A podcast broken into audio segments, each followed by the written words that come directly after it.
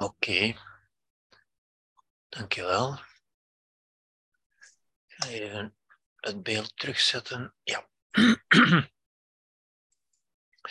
Dus het is inderdaad de laatste lezing. En ik ga meteen naar het stuk waar we vorige week gebleven waren. Ik herneem heel snel wat we, waar we toen mee geëindigd zijn met de strategie van het geluk, namelijk. Of, zoals ik zeg, de logica van welzijn en onwelzijn. En ik hoop dat deze u vandaag meer dan ooit duidelijk zal worden. En dat is weer onze bewustzijnscurve, onze curve van de menselijke vrijheid ook, onze decor waartegen die acteurs, ik bouw zeer snel dit schema op. Dus we hebben vorige week gezegd dat er twee soorten emoties zijn. De emoties van, van toenadering en de emoties van verwijdering, die respectievelijk aangestuurd worden door een narratief, een denken in een nee-logica, een logica van afwijzing, van oorlog eigenlijk. Of een logica van ja, een logica van aanvaarding, van mededogen, van welwillendheid. En heb ik u gezegd, de externe realiteit die hier ligt, die buiten de curve ligt, kan op die twee manieren onthaald worden, ontvangen worden. En dat is ook waar onze keuze ligt uiteindelijk. En die keuze, en veel mensen zijn zich van die keuze niet bewust, dat is het onbewuste, volgens Lacan eigenlijk, ja. Want het onbewuste ligt in de taal die we gebruiken.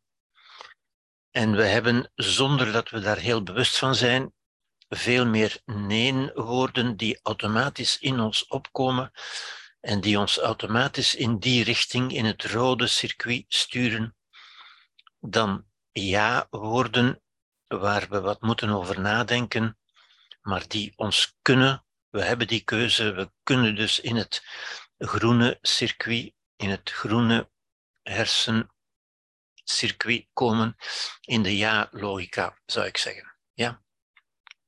Dus dat is de fundamentele keuze die leidt naar welzijn of naar onwelzijn. Ja. Goed, ik ga daar niet meer bij stilstaan. Ik ga het eventjes opbouwen zoals ik het vorige week heb gedaan, in wat ik dan echt de strategie van het geluk noem, de, de, de verstoring. Alles begint met een verstoring, iets wat ons stoort, wat ons, ja, of beter gezegd, iets wat ons stoort, of ik zou nu beter zeggen, en u begrijpt nu beter, iets waaraan ik zou zeggen, wij storen ons eraan, ja, iets waaraan wij ons storen. Dat komt uit een emotie, dat is punt 2. Dus punt 1 is, is de verstoring. Punt 2 is de emotie waaruit die verstoring komt, waar we kunnen gaan over nadenken.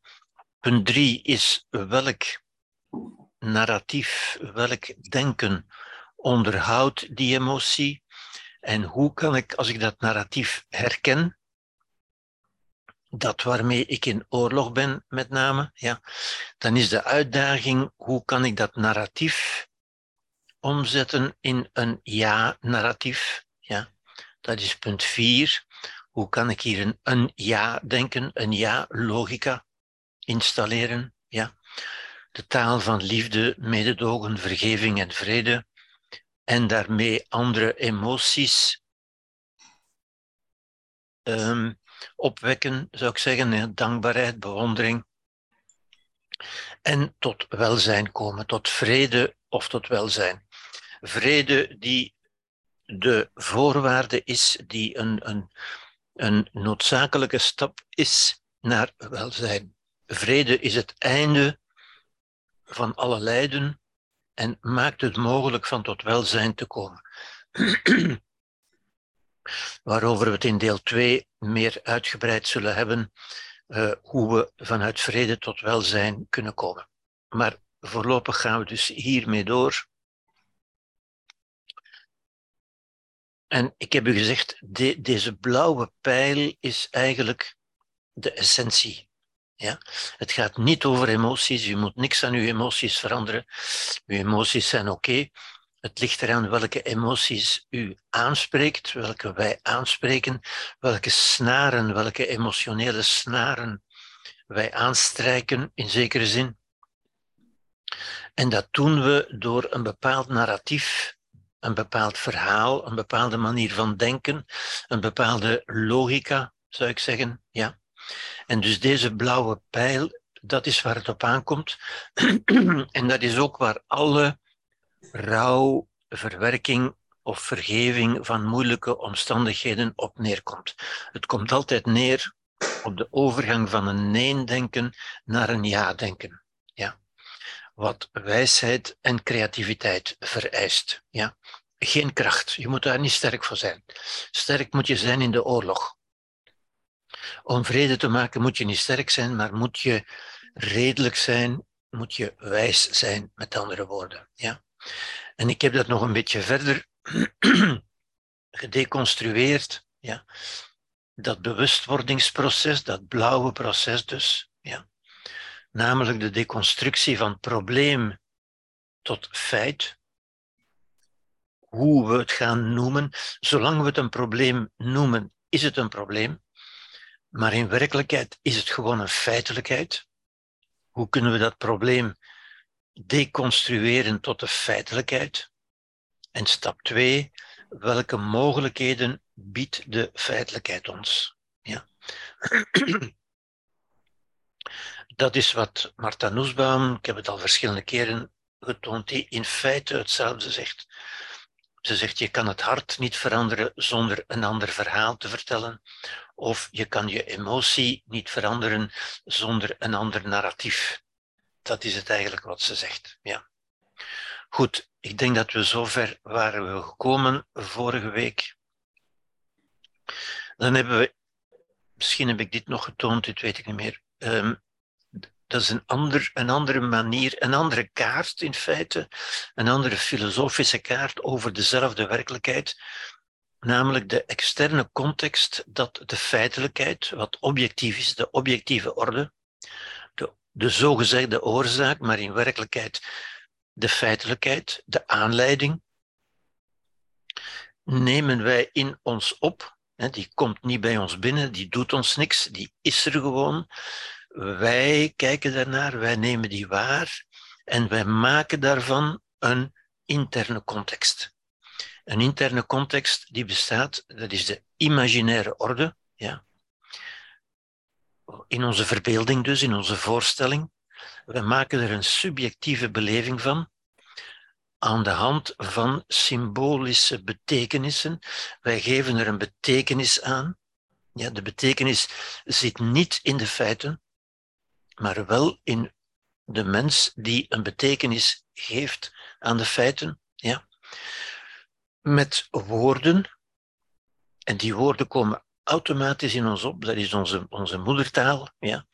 met woorden die veelal negatief gekleurd zijn. Negatief in de zin dat ze thuis horen in een nee-logica. U kunt die nee-logica herkennen altijd makkelijk als u zich afvraagt, wil ik daar meer of wil ik daar minder van? Iets waar u minder van wil, dat is een nee-logica. Iets waar u meer van wil, dat is de ja-logica. Ja?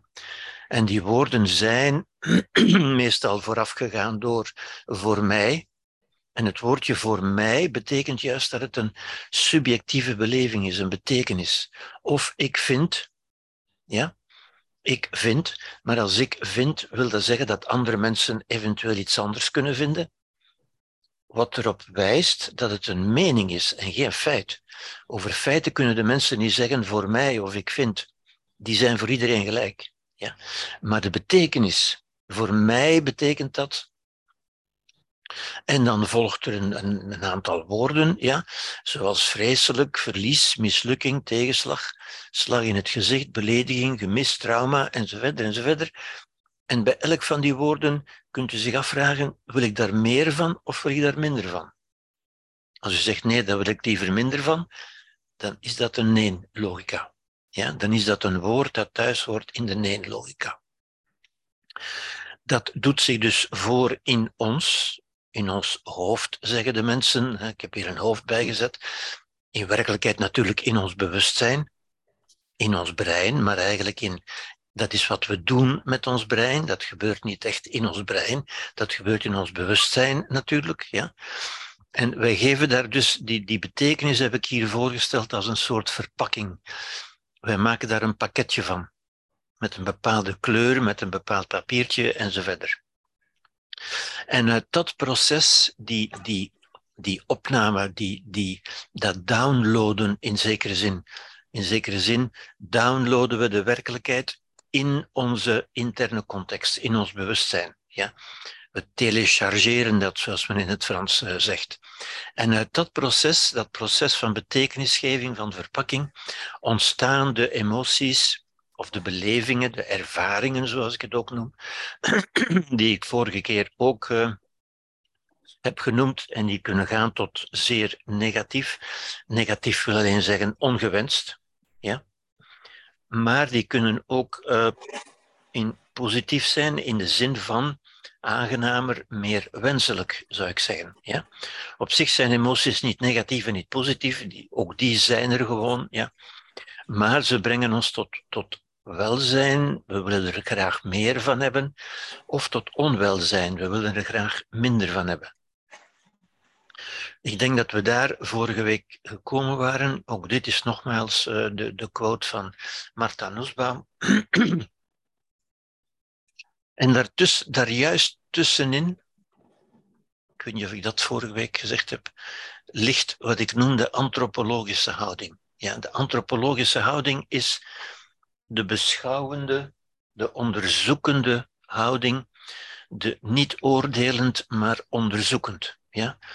Gesymboliseerd, vertegenwoordigd door het woordje merkwaardig. Ja?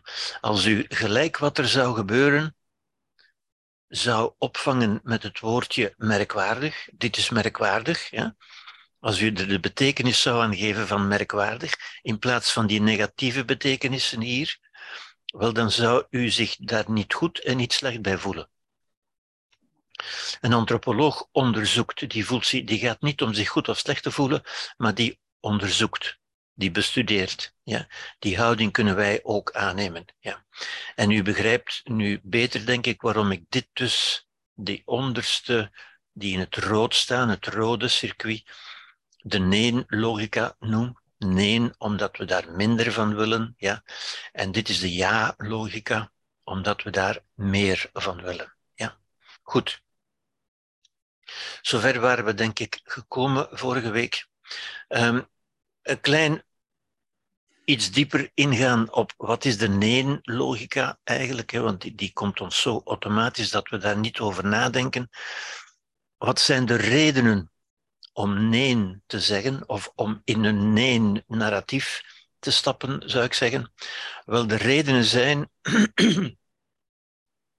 dat je met iets in verzet in oorlog bent. Alle lijden is verzet en oorlog verzet en oorlog met het verleden, met het heden, met de toekomst, met anderen, met zichzelf, met het lichaam enzovoort. Mensen vinden duizend redenen om, om zich te verzetten, waar ze het niet mee eens zijn. Ja? Met hun baas, met hun partner, met hun kinderen, met hun schoonfamilie enzovoort enzovoort. Ja? Talloze, wel dat is dus de, de, de reden, de aanleiding zou je kunnen zeggen dat is niet de echte reden, dat is de aanleiding, zou ik beter zeggen. Ja? Dat zijn dingen waarop wij reageren met een nee-logica. Ja? Die zich resumeert tot wat er is, bevalt mij niet. Ik vind het niet goed. Namelijk, het, het komt neer op, ik wil iets dat ik niet krijg, of er is iets dat ik niet wil. Ofwel wil ik iets dat ik niet krijg, ofwel is er iets dat ik niet wil. Ja? En waar mijn houding dus is van nee, dat is niet oké. Het nee zeggen, dat komt al dichter bij een reden. Hè. Wat is een reden om nee te zeggen? Wel, het nee zeggen, het zich verzetten, het tegen zijn, het negatief zijn, lijkt om te beginnen ook voor, ook voor de mens zelf, lijkt intelligent, kritisch en stoer. Ja? Ik leg mij niet zomaar neer. Ik geloof niet zomaar alles wat ze zeggen. Ik neem het zomaar niet aan. Ik ben tegen. Ja? Tegen zijn geeft zo die, die, die ervaring van, van, van stoer zijn, van, van verzet. Je voelt dat je iets bent. Ik ben niet zomaar, ik laat niet over mij heen lopen. En dus merkwaardig genoeg heeft die nee-logica geeft ook een, een bepaald aangenaam gevoel. Ja? Van ik, ik ben toch iemand. Ja? Dat geeft een identiteit en een persoonlijkheid. Ik, ik ben iemand. Ik ben niet zomaar iemand waar je, me, waar, waar je me doet wat je wil. Je kan niet zomaar over mij heen lopen. Nee, nee. Ik ben hier. Het geeft een, een gevoel van een, een, ja, een gewaarwording van, van leven, van, van, van er zijn, van, van iemand zijn. Ja? Het is ook vaak uit gewoonte, ik heb, die, ik heb dat ook genoemd, die automatische oordelen, die automatische woorden, die clichés, zoals, ik heb ze ook al genoemd, hè, tegenslag, fout, mislukking, ongeluk, ramp, verlies, laten vallen, in de steek laten, belediging, kaakslag, onaanvaardbaar, onverdraaglijk enzovoort. Woorden die vaak automatisch in ons opkomen. Ja? Die behoren in zekere zin tot onze emotionele moedertaal die, hebben die horen we ook zo vaak, ja, dat die ook bij ons bovenaan drijven. Dat komt bijna vanzelf. Ja? We moeten daar weinig over nadenken. De vormen, wat zijn de vormen? De vormen zijn, wel, om te beginnen, het lijden, het zelfbeklag. Lijden is altijd zelfbeklag. Ja. Het, is, het gaat over uzelf. U noemt uzelf slachtoffer. Het is echt zelfbeklag. Het gaat ook altijd over ik. Ik, ik, ik leid, ik heb het zo moeilijk, ik vind dat zo erg, en zo verder. Ja? Het kan ook zijn vermijden of vluchten. De fobische reactie, zoals ik al gezegd heb. Ja? Het vermijden van dingen die u niet bevallen. Dat, kunt u, dat proberen mensen heel vaak, dat lukt natuurlijk niet altijd. Ja? Maar ook het vechten en strijden. Mensen vechten en strijden met allerlei dingen. Mensen vechten en strijden bijvoorbeeld met hun verleden. Ja. En ook dat zijn narratieven die men zo hoort, die men zo zegt. Alhoewel dat in feite, als u even redelijk bent, is dat absurd natuurlijk. Ja? We gaan over redelijkheid straks nog meer dingen zeggen. Want u kunt niet vechten met uw verleden. Want het verleden is er dood gewoon niet meer. Het enige wat er nog is, is een narratief, een verhaal over het verleden. Maar daar moet u niet tegen vechten, dat kunt u veranderen als u wil. Ja. De superioriteit, het zich superieur opstellen, wat in het, in het schema van, van Karpman, voor degenen die dat kennen, dat, dat redder-vervolger-slachtofferschema, als redder of als vervolger wordt aangeduid. Ja ter compensatie van de onmacht. Want ook dat geeft een zeker gevoel van macht. Net zoals nee zeggen een zeker gevoel van, van macht geeft, zou ik zeggen. Ja? Ik ga daar nu niet verder op in. Wat zijn de gevolgen? De gevolgen zijn lichamelijk, om te beginnen, en dat is waar veel mensen over klagen. Dat is spanning, stress en pijn. Ja? En stress is in eerste instantie een gevolg van, van het verzet, het niet willen. Ja? En als u bij uzelf nagaat, als u, als u die taal spreekt van niet willen, van vechten en strijden, wel, dan komt er bijna vanzelf zo een, een, een vuist opduiken. Ja? U, uw hand gaat bijna zelf in de vorm van een vuist. En dat zie je ook bij vele mensen. Hè. Als ze zeggen, ik laat mij niet doen, dan wordt er met een vuist gezwaaid. Wel, stress is eigenlijk als uw hele lichaam een soort vuist wordt. Ja? Uw hele lichaam gaat in een soort verkramping. Ja? Emotioneel zijn dat de negatieve emoties, de ongewenste emoties dus, angst of woede. De verkramping ook, hè, de verkramping. Stress is een vorm van verkramping. Ja? Stress, het zogezegde geblokkeerd zijn. Nu, een mens is nooit geblokkeerd. Geblokkeerd kan alleen een machine zijn, een mens kan niet geblokkeerd zijn maar wel verkrampt, wel stress, ja. En lijden natuurlijk. Ja, dat is het echte lijden. natuurlijk. Hè. Mentaal, mentaal, afsluiting van de geest, ja, ontkenning, tunnelzicht, verstarring, ook verkramping in de, in de geest. Ook dat noemt men geblokkeerdheid, van ik kan er niet anders over denken. Ja. Existentieel leidt dat tot een doelloos, ja, geen richting. Het zegt niet wat u wel wil, met andere woorden. Het zegt alleen wat u niet wil. Ja? Het stelt geen doel, het doet u niet vooruitgaan. Het gijzelt uw kracht en uw energie en het geeft u geen ervaring van, van kracht, zou je kunnen zeggen. Het voordeel, ik heb het ook al even gezegd natuurlijk, hè, het voordeel ervan, want waarom doet men dat? Wel omdat het ook een voordeel oplevert natuurlijk. Namelijk dat idee en dat gevoel van identiteit en belangrijkheid. Die illusie van iets te doen. Ja? En veel van wat mensen zeggen, die vechten en strijden en hebben dus het idee dat ze iets doen, want ze hebben er stress van, ze voelen dat. Ja? En die stress geeft het idee dat u toch iets doet. Dat u zich niet zomaar laat doen, maar dat u wel iets doet. Namelijk, ik vecht, ik strijd. Ook al is dat strijden en vechten tegen schimmen, tegen, tegen, tegen iets wat er niet is. Shadowboxing eigenlijk. Ja? In werkelijkheid creëert u alleen maar stress en lijden natuurlijk. Ja? In werkelijkheid doet u daarmee niets. Er is niets dat in de wereld verandert omdat u lijdt of omdat u gestresseerd of verkrapt bent. Het is alleen maar stress in uw leven. In werkelijkheid bezorgt u alleen uzelf een ongemakkelijk leven, zou ik zeggen. Een, een kramp, een stress. Ja? Goed, dus dat voor de nee-logica. Wat is de ja-logica dan? Wel, dat is natuurlijk het omgekeerde. Ja? Wat zijn daarvan de vormen? Wel, het is om te beginnen verstandelijk, intellectueel. Het erkennen gewoon. Ja? Het inzien. En nogmaals, u moet daar dus niet sterk voor zijn, u moet alleen, u moet alleen slim zijn, u moet wijs zijn. Ja? Het erkennen, het is de vrede, het einde van verzet en oorlog. U stopt met u te verzetten en in oorlog te zijn. Ja. Erkennen ook dat niets of niemand ons doet lijden. Dat het lijden dat we ervaren, de stress, de verkramping, de geblokkeerdheid en verder, dat die gewoon weg uit onszelf komt. En dat vinden veel mensen heel moeilijk en heel lastig om, te, om, te, om, te, om in te zien. En als ik dat zeg, krijg ik daar ook veel weerstand en, en stress van terug, natuurlijk. Want mensen weigeren dat te geloven. Ja? Om te beginnen omdat ze dan ook denken dat ze er dan schuld aan zijn. En die, die, die verwarring ook tussen, tussen verantwoordelijkheid en schuld. U bent er verantwoordelijk voor, maar u bent er niet schuldig aan. Ja?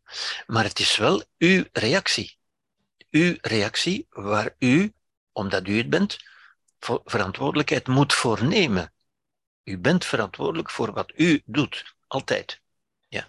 Het is een ontkenning van uw verantwoordelijkheid van te denken dat u iets doet omdat iemand anders iets gedaan zou hebben. Ja? Erkennen van de feitelijkheid van gewoon wat er is. Ja, men noemt dat ook, je kunt dat ook aanvaarding noemen. Erkennen, aanvaarden van de feitelijkheid. Ongeacht of je dat fijn vindt of niet. Zie je, dat fijn vinden of niet, dat is weer je subjectief oordeel. Dat je een beetje opschort. Je gaat een beetje meer als een, als een antropoloog kijken. Het is gewoon zo. Of ik dat nu fijn vind of niet, het is gewoon zo. En als ik er nu lijden over creëer, of kwaad word, of stress, dat gaat er niks aan veranderen. Ja? Erbij blijven, aanwezig blijven. Niet vechten of weglopen. Ja? Vechten is zinloos, weglopen is ook zinloos. Ja?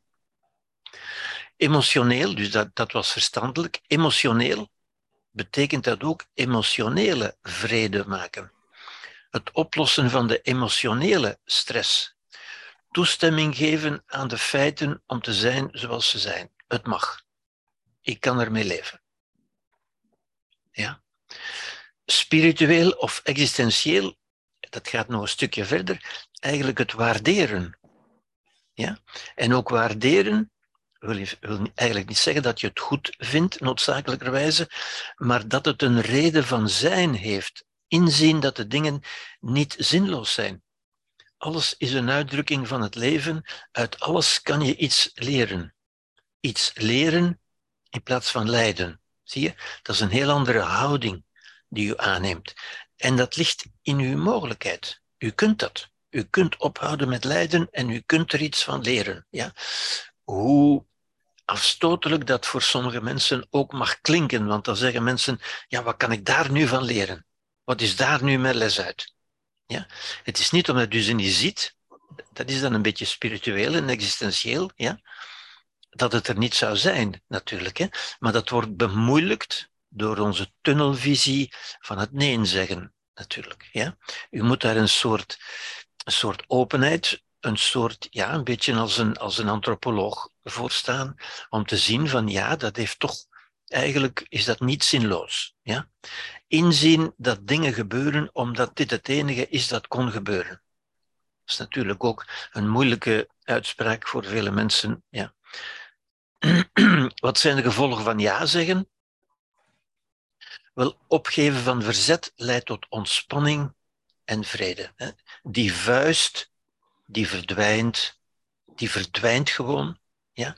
Die, die wordt nergens opgeslagen of bijgehouden. Eh, die, die lost gewoon op als u het verzet, de oorlog opgeeft. Ja? Ontvankelijkheid en creativiteit wat ik daarnet ook zei, door het wegvallen van de verkramping en de blokkering, eigenlijk de tunnelvisie. Ja, u bent alleen maar geblokkeerd, zogezegd geblokkeerd. U bent niet echt geblokkeerd natuurlijk, maar u bent zo, zogezegd, mensen noemen dat zo, u zit vast in een bepaalde manier van kijken, die u, als, als u die loslaat, als u die versoepelt, dan wordt u weer ontvankelijk, kunt u andere dingen zien en kunt u daar creatiever mee omgaan. Ja? opent en verruimt het bewustzijn. Dat is een beetje gelijkaardig natuurlijk. Ja? Het, het creëert, het laat weer ruimte. Ja? Brengt u ook in het nu. Ja, dat is wat er nu is, in plaats van tegen het verleden of tegen de toekomst te vechten en te strijden. Ja.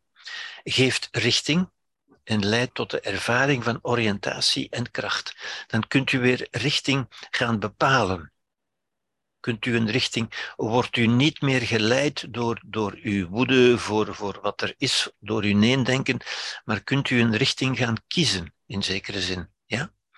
En bevrijdt de energie uit de gijzeling, ja, dat is eigenlijk ook een beetje hetzelfde natuurlijk, hè, uit de, de geblokkeerdheid, de verkramping, de tunnelvisie, zou ik eigenlijk zeggen, het gevangen zitten, het vastzitten in een bepaalde negatieve visie, die ik hier een, een gijzeling noem, ja, door dat op te geven, door dat los te laten, zoals de mensen zeggen. Maar dat loslaten is alleen maar het loslaten van uw reactie. In werkelijkheid moet u ook niks loslaten. U moet het verleden niet loslaten, want dat is al los. Ja. U moet ook andere mensen niet loslaten, want die zijn al los uiteindelijk. Ja. Het is alleen uw eigen reactie die u moet, die u kunt oplossen, die u kunt versoepelen, die u kunt loslaten als u wil. Ja? Goed, um, ik vat nog een keer samen snel de strategie van het geluk. Dus om het, om het, om het gebald te zeggen en om het, om het goed in, u, in, in, in uw bewustzijn te prenten, zou ik zeggen. Een feit of een gebeurtenis is een aanleiding waar wij op twee manieren kunnen op reageren, namelijk met die nee-logica of met een ja-logica. Ja? En dat is een mogelijkheid voor iedereen, altijd. U kunt niet zeggen, ik had geen keuze, u hebt altijd keuze. Ja? Uh, de nee-logica heb ik nu al uitgebreid beschreven natuurlijk. Dat is het trauma, tegenslag, verlies, klaagcultuur, slachtofferdenken en zo verder. Lijden dus. Disempowerment ook. Disempowerment is het idee dat u er niks kunt aan doen. Depressie en onmacht en zo verder. En de ja-logica leidt tot deze ervaringen, mededogen, aanvaarding. Dat hebben we nu al genoeg besproken, zou ik zeggen. Ja. En daartussen is een keuze. En dat is het belangrijke, dat is die blauwe pijl in het vorige schema Het staat hier ook in het blauw trouwens. Ja. Dat is de keuze. Ja. Deze kaart zegt alleen maar, die mogelijkheden zijn er. Dit is een filosofische kaart in de zin dat ze de mogelijkheden toont. Ze zegt u niet wat u moet doen, maar wel wat u kunt doen. En ze zegt wel, dit is een keuzemoment. Ja? En de keuze, zoals ik al heb gezegd, is vaak, zit altijd in de woorden die we gebruiken om het zogezegd te beschrijven, maar die in werkelijkheid oordelen zijn, natuurlijk. Ja? En de keuze is wat we kunnen noemen een cognitieve stijl. Ja? Dat woord komt van Martin Seligman ook, maar die, dat, die geeft ermee aan een manier van denken. Ja? Een manier van denken. En ziet u, het gaat over ons, niet over de feiten. Het zijn niet de feiten die dat doen, het is onze keuze, onze cognitieve stijl. En wat is die cognitieve stijl? Want daar wil ik nu een beetje verder op ingaan. Dat is een stijl die u ook kunt leren bekijken bij uzelf en bij anderen. En die ik zou kunnen samenvatten ik moet het samenvatten, want we hebben niet meer tijd natuurlijk, hè, maar ik zou daar ook een hele dag kunnen over geven natuurlijk. Hè. Een, een stijl die gekenmerkt is door bepaalde ingrediënten. En ik, ik hou nogal van het woord ingrediënten. Ja? Ingrediënten zijn dingen die we zelf gebruiken om iets te maken dat we willen maken. Dat, zijn, dat is niet hetzelfde als factoren, de zogezegde factoren die ons maken, waardoor wij gemaakt worden of waardoor wij beïnvloed worden. Ja? Nee, het zijn de ingrediënten, dat is wat wij erin stoppen. In wat? Wel in die cognitieve stijl. Ja? Wij, maken onze cognitieve stijl, bij wijze van spreken. Onze manier van denken, in, in een meer populaire manier gezegd. Natuurlijk ik weet wel, bij, bij een kind, een kind ondergaat dat. Ja? Een kind krijgt een cognitieve stijl aangeleerd, ingeprogrammeerd, ingeformateerd door de opvoeding. Een kind heeft daar geen keuze in. Ja? Maar het is op volwassen leeftijd dat we dat kunnen gaan na, we kunnen denken over ons denken, zoals ik u vroeger heb gezegd. En we kunnen zien welke ingrediënten zitten daarin en hoe kan ik dat wijzigen. Ja? En ik wil het u in het kort even, even uh, opnoemen, opsommen, die ingrediënten, om te zien wat wij kunnen doen. Er zijn dus groene ingrediënten die naar boven gaan en er zijn rode ingrediënten die naar beneden gaan. Ja? Wat is het eerste? Wel, het eerste is het voelen tegenover het denken. Ja? En daarmee geef ik dus aan dat het voelen onze intuïtie, wat we, onze eerste gewaarwordingen, zeg maar, brengen ons heel vaak in deze richting. Ja? Het denken wordt door vele mensen moeilijker genoemd, maar het is door het denken dat we kunnen ja, denken over het narratief. Voelen is veel meer het narratief dat in ons eerst wakker wordt. Ja? Eigen fout, zeggen het is mijn eigen fout, versus het is een externe oorzaak. En daarmee bedoel ik, ja, het, werd, het werd niet door mij veroorzaakt, ja, het ligt aan de toevallige omstandigheden. Ja? Globaal versus specifiek. Globaal wil zeggen, het is altijd zo, het is overal zo. Versus specifiek, het is nu hier zo. Globaal denken is bijvoorbeeld, ja, ik zal, ik zal toch nooit, uh, ik zal het nooit beter kunnen doen. Ik zal altijd uh, dom blijven, ik zal nooit een baan vinden of iets dergelijks. Een globaliserend, veralgemenend versus specifiek. Specifiek is, ik heb dit nu zo gedaan, ik heb nu een fout gemaakt, maar dat wil niet zeggen dat ik morgen opnieuw een fout zal maken. Dat is specifiek. Ja? Permanent, dat we zeggen, het zal altijd zo zijn. Het, het zal nooit veranderen. Versus tijdelijk. Dit is wat zich hier nu voordoet. Hier is specifiek, nu is tijdelijk. Overal altijd. Dat is globaal en permanent. Ja. Het is onveranderlijk, het zal altijd zo zijn. Het, het kan niet veranderen. Ik kan er niks aan doen, met andere woorden. Versus veranderlijk. Het is veranderlijk, ik kan het veranderen. En ook de hulpeloosheid. Misschien is het wel veranderlijk, maar ik kan het niet veranderen. Ik kan het niet, het lukt mij niet en zo verder. Versus zelfredzaamheid. Ik kan dat wel veranderen. Ja? Als ik me daarop toeleg, als ik dat wil leren, dan kan ik dat wel. Dit is empowerment als u wil, dit is disempowerment als u wil. Ziet u, dat zijn de ingrediënten die men pessimisme, die men samen pessimisme versus optimisme noemt. En ik zou zeggen, dit plaatje, dit plaatje van de cognitieve stijl, is het meest belangrijke, is het belangrijkste in de keuze tussen die logica of die logica. Ja? Goed. U begrijpt dat we daar op, elk van die punten zouden we dieper kunnen ingaan, maar ik ga dat nu niet doen omdat we daar de tijd niet voor hebben. Ja. Goed. Um, de ja en de nee, iets wat ik daar kan aan toevoegen, uh, als ik het over die ja en die nee heb.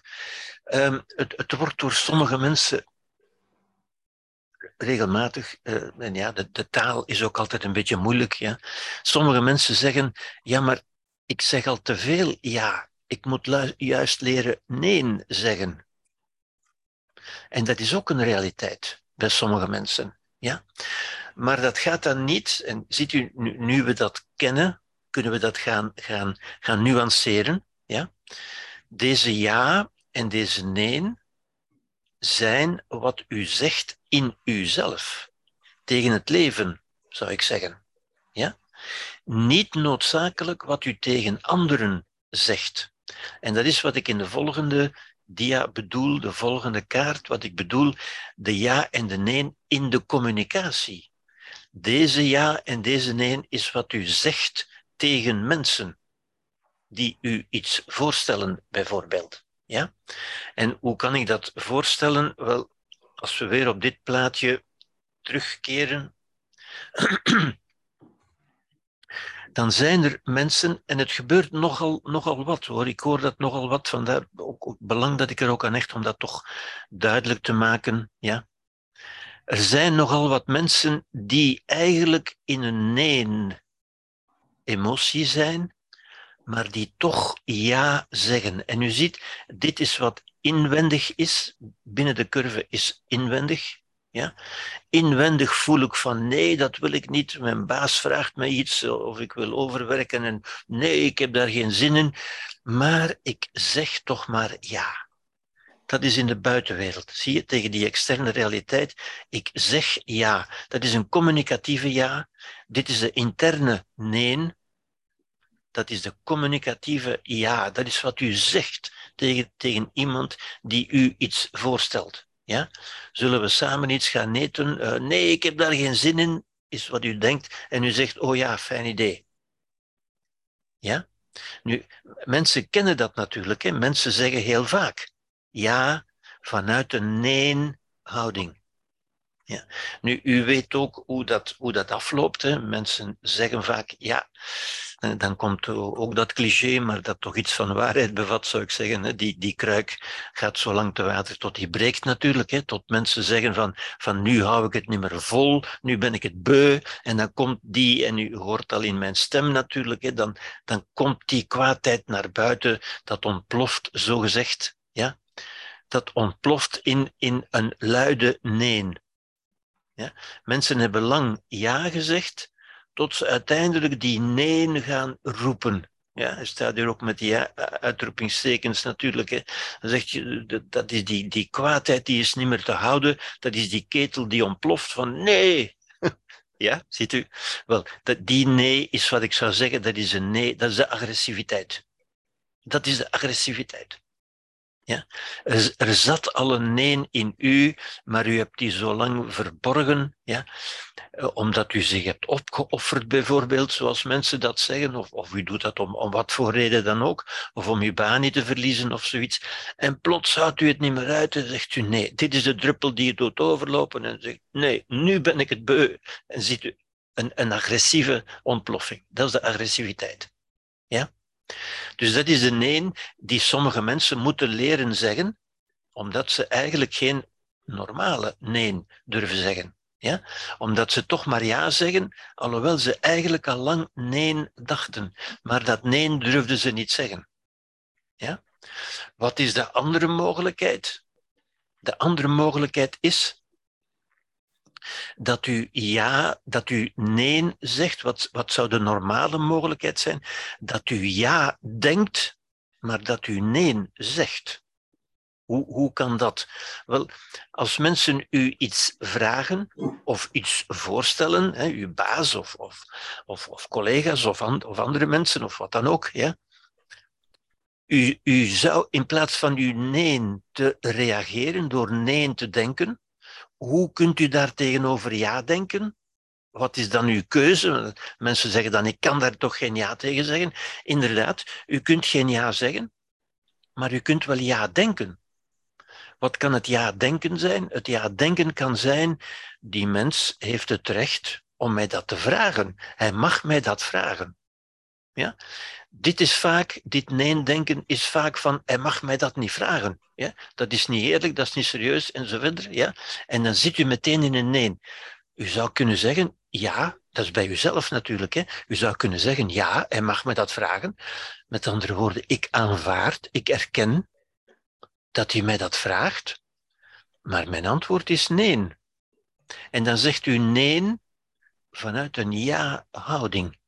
Ziet u, dit is de interne ja en nee, ja en nee emotie, ja en nee narratief, denken, ja. Maar dat is een nee en die nee is dan een nee die u op een rustige manier kunt zeggen, maar op een heel duidelijke, besliste manier. Dat is een nee die ik zou noemen een nee van assertiviteit.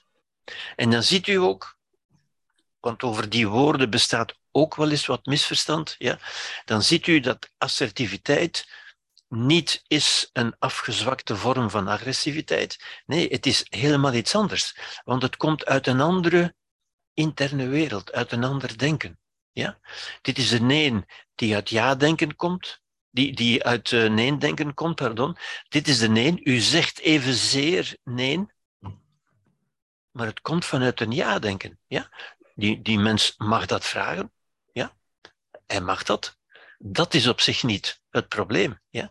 Het probleem is, hoe kan ik dat aanvaarden dat hij dat mag, mag zeggen of mag doen? Ja? En kan ik toch op een rustige manier, wat we dan een assertieve, zonder agressiviteit, op een assertieve manier nee zeggen noemt. Ja? Goed, dus dit als antwoord op de, op de vraag. Dus ten eerste om duidelijk te maken dat ik het tot nog toe, tot nu toe, gehad heb over de interne nee of ja, het nee-narratief, de nee-logica, of de ja-logica, het ja-narratief. Ja? Niet over de communicatieve nee of ja. ja. Terwijl deze nee hier, dat is, de, dat is wat u zegt, dat is de communicatie, dat is uw antwoord op een externe realiteit. Ja? Goed. Ik hoop dat dat duidelijk is voor iedereen. Ik zie natuurlijk niet uw gezichten. Er is een ander iets wat we aan de hand hiervan, aan de hand van deze kaart, en ik toon weer even deze kaart, dat is altijd onze, dat is nu onze, onze uitgangskaart. Dit, dit hebben we voor onszelf vastgesteld dat het zo is. Ja? Nu, met dat wat zo is, kunnen we op twee manieren omgaan, zou ik zeggen. Ja? Twee manieren die je ook bij mensen kunt zien. Mensen kunnen daar op twee manieren mee omgaan. Ja? U ziet, dat zijn twee, is natuurlijk, ik weet het, een beetje artificieel uit elkaar gehaald. Ja? Maar het zijn toch, het zijn toch een beetje de ervaringen ook. Dit is wat mensen het voelen noemen. En dit is wat mensen het denken noemen. Ja? En dat is we hebben dat verfijnd en u ziet dat is een grove indeling, maar dat is toch wat vele mensen ook zeggen. Wat ze denken te ervaren. De, de zogenaamde tegenstelling tussen emoties en denken. Ja, alhoewel ik u in het begin heb gezegd, emoties zijn ook manieren van denken, in feite. Ja. Maar er zijn dus twee, man, twee, die twee ervaringen. En er zijn ook mensen die aan die twee ervaringen een verschillend belang hechten. Ja? Dus dit is het gevoel, dat is het narratief, zou ik zeggen. Ja? En het, het algemene idee dat ik bij u heb aangebracht, is dat ons gevoel bepaald wordt door ons narratief. Niet door de realiteit, maar door ons narratief. En u ziet, ons narratief valt uiteen in twee narratieven en ons gevoel valt uiteen in twee. Goed, daar hebben we het nu genuanceerd over gehad. Maar wat ik nu wil zeggen hier, waar ik nu uw aandacht wil voor vragen, is dat mensen die twee ervaringen, de ervaring van het voelen en de ervaring van het denken, dit is ons, snelle denken, als u, als u het zich nog herinnert. Dit is ons langzame denken. Maar dat snelle denken ervaren we niet als denken, maar ervaren we als een gewaarwording. Dat is ons oude brein, ons voortalige brein, dat denkt. Ja? Dit is wat we als echt denken ervaren. Alhoewel ze allebei denken zijn. Maar goed, dat zal u nu duidelijk genoeg zijn, denk ik. Maar wat ik bedoel is dat mensen belang hechten en de nadruk leggen op één van die twee. En er zijn mensen die vooral de nadruk leggen op emotioneel goed voelen. Die het voelen heel belangrijk vinden, ja, en die ook denken, dat is dus hun narratief, zou je kunnen zeggen, maar zij ervaren dat niet als een narratief. Ja. Het, het, is heel merkwaardig. Dat, dat zijn bijvoorbeeld ook mensen die vaak zeggen van ja, maar ik denk niet zoveel, ik zit niet zoveel in mijn hoofd, zeggen de mensen dan. Ja. Dat wil zeggen, ik denk niet zoveel, denken ze. Hè om te denken dat je niet denkt, moet je natuurlijk ook denken. U, u ziet al de, de, de ambiguïteit, om, om niet te zeggen de absurditeit in zekere zin. Ja. Ik voel veel meer dan dat ik denk. Ik leef veel meer, zeggen de mensen, ja, in mijn hart of zelfs in mijn buik. En niet zozeer in mijn hoofd, ziet u, dat onderscheid dat mensen maken. Dus, de, dus zijn mensen die vooral de nadruk leggen op het emotioneel goed voelen. Ja dat is hoe zij zullen leven en dat is dus ook hoe zij kinderen zullen opvoeden, bijvoorbeeld, uh, waar ik het dadelijk nog even zal over hebben. Ja. En die zijn dus, die, die verheerlijken dus in zekere zin, die, die hechten waarde aan een emotiegestuurd leven. Een leven dat gestuurd wordt vanuit de emoties. Vaak zeggen die mensen ook vanuit het hart. leven vanuit het hart. Ja? Goed. Aan de andere kant zijn er mensen die meer belang hechten aan goed denken, aan ethisch denken, aan geluk ook, dat, dat daarbij hoort in zekere zin. Ja? Dat zijn de mensen die leven niet een emotiegestuurd leven, maar een reden- en waardegestuurd leven. Ja? Een leven dat gestuurd wordt of dat gebaseerd is op redelijkheid en waarden ja? Waartoe we kunnen rekenen, bijvoorbeeld logica, logisch denken, filosofie, wetenschap enzovoort. Ja? Ziet u, dat zijn mensen die veel meer, deze mensen noemen deze mensen mensen die in hun hoofd zitten, natuurlijk. Ja? En deze mensen noemen die mensen mensen die in hun buik zitten, in zekere zin. Nu, deze mensen noemen zichzelf ook zo en vinden dat ook goed. Ja. Nu, om, om dat aan te geven, heeft onder meer Lacan, waar ik graag naar verwijs, maar ook andere filosofen, hebben daar een zekere, hebben daar een benaming aan gegeven die een beetje controversieel is, maar die toch goed te begrijpen is, denk ik. Ja. Vooral als het over opvoeding gaat, waar ik het dadelijk zal over hebben. Ja. En noemen dit een moederlijke functie en noemen dit een vaderlijke functie. En het woordje functie is hierbij belangrijk, want het betekent dat het is een manier van functioneren die niet alleen bepaald wordt door het moeder of vader zijn, door het man of vrouw zijn bijvoorbeeld. Ja?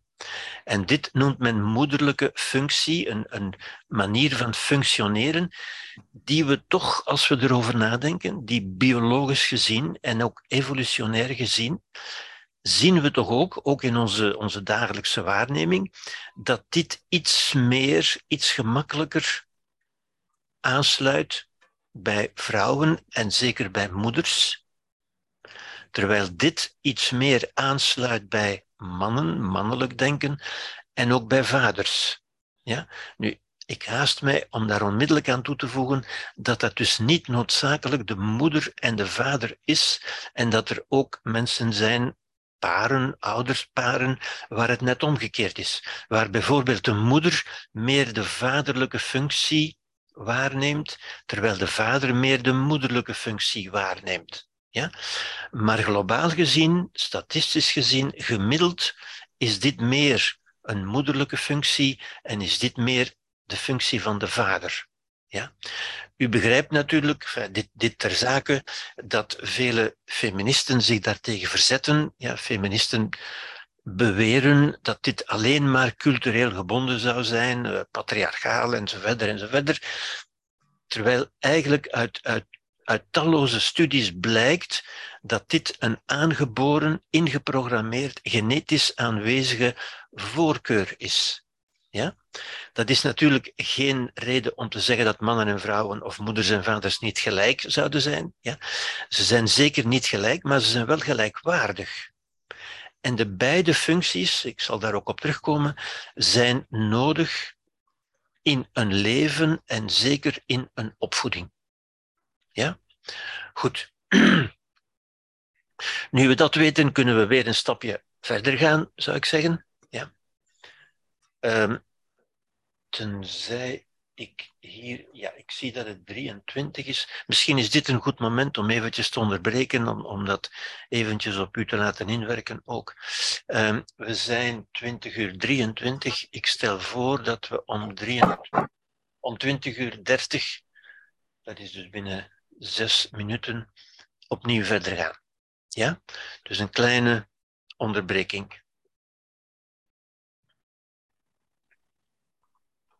Ja.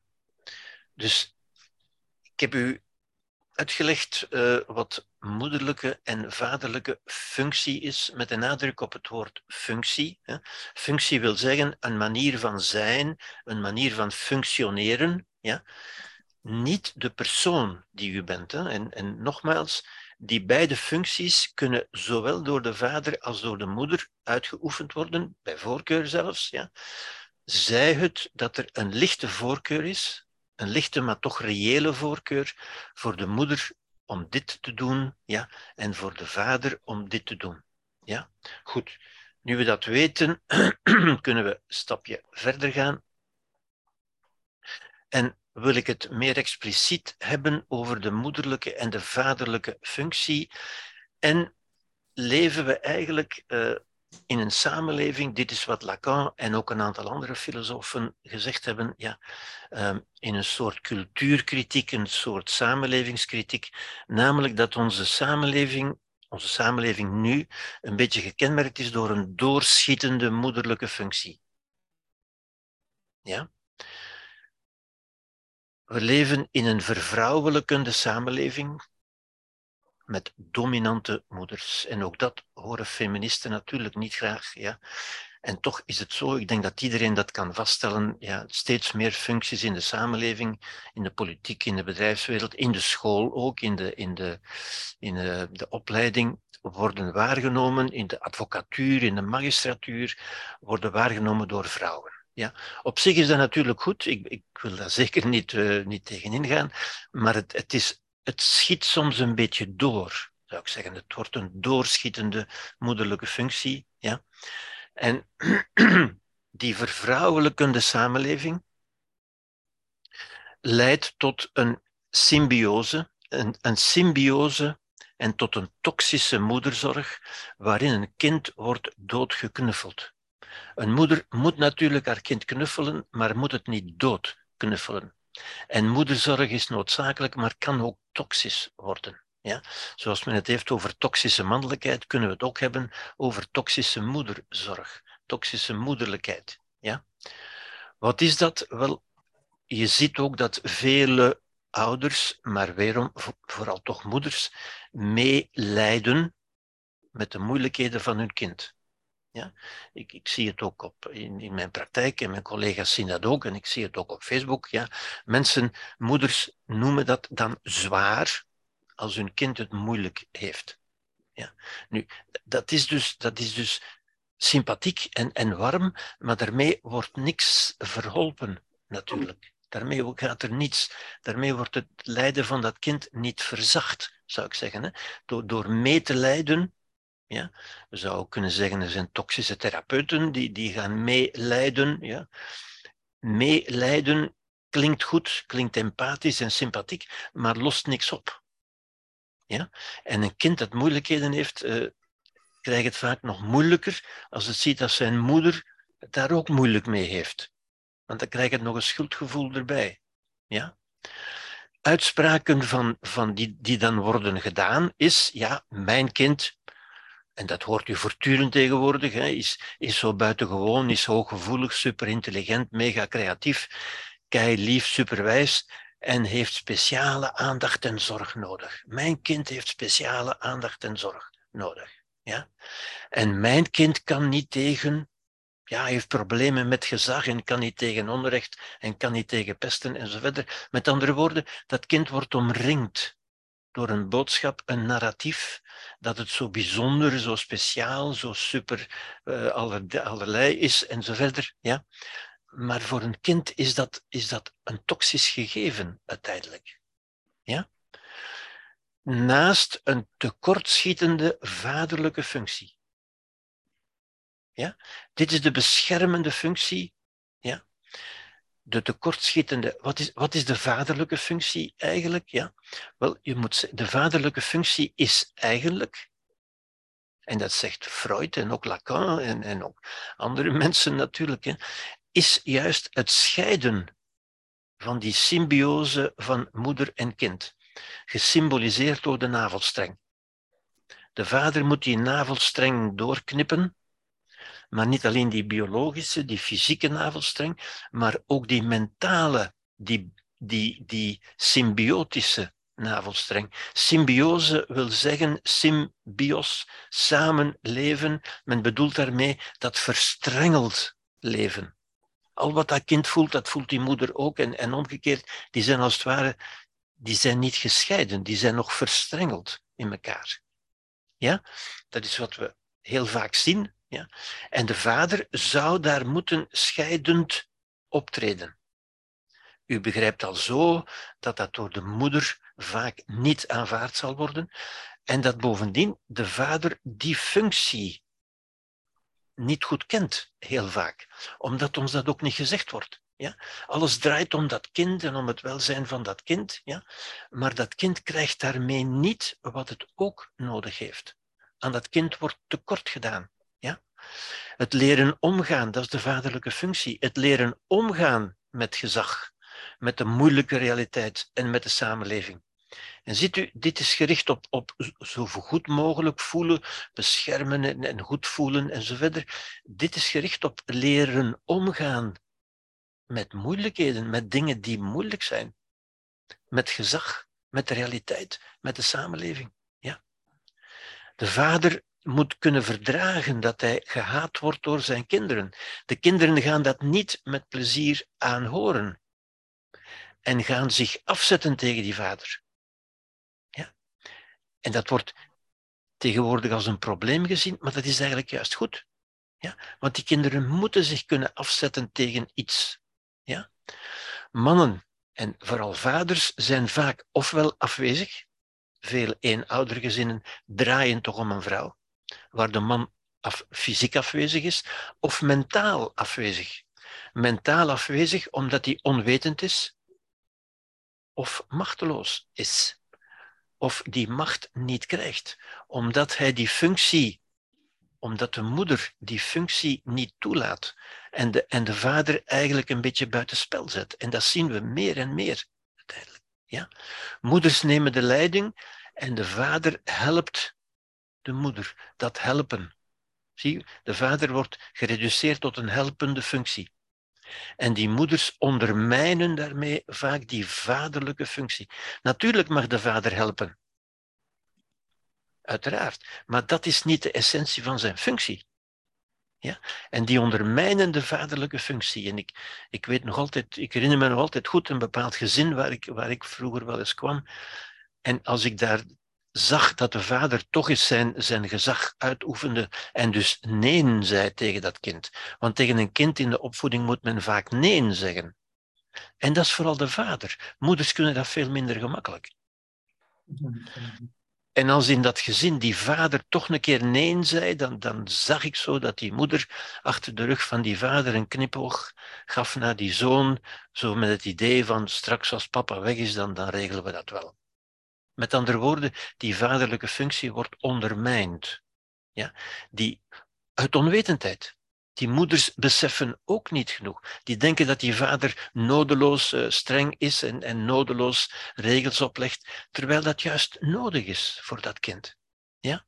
Met andere woorden, het wordt lastig voor kinderen om zich af te zetten tegen die supergoede ouders. Ouders die altijd zo goed zijn en het beste willen en alles toelaten. Hoe kun je daar nu boos op worden? En misschien moet je niet eens boos worden, maar je moet je toch kunnen afzetten tegen iets. Om jezelf, om een individu te worden. Ah, kinderen hebben het nodig van zich tegen, ergens tegen te kunnen afduwen. Om in het leven, om een start in het leven te krijgen. Ja? Wel, dat is heel moeilijk. Tegen van die supergoede, superlieve ouders die altijd. Ja? Dat is lastig. En daar zien we de gevolgen van. Ik kom daar dadelijk op terug. Met andere woorden, dat is een falende groei naar volwassenheid. En dat zie ik dus ook in, in mijn praktijk en in die van mijn collega's.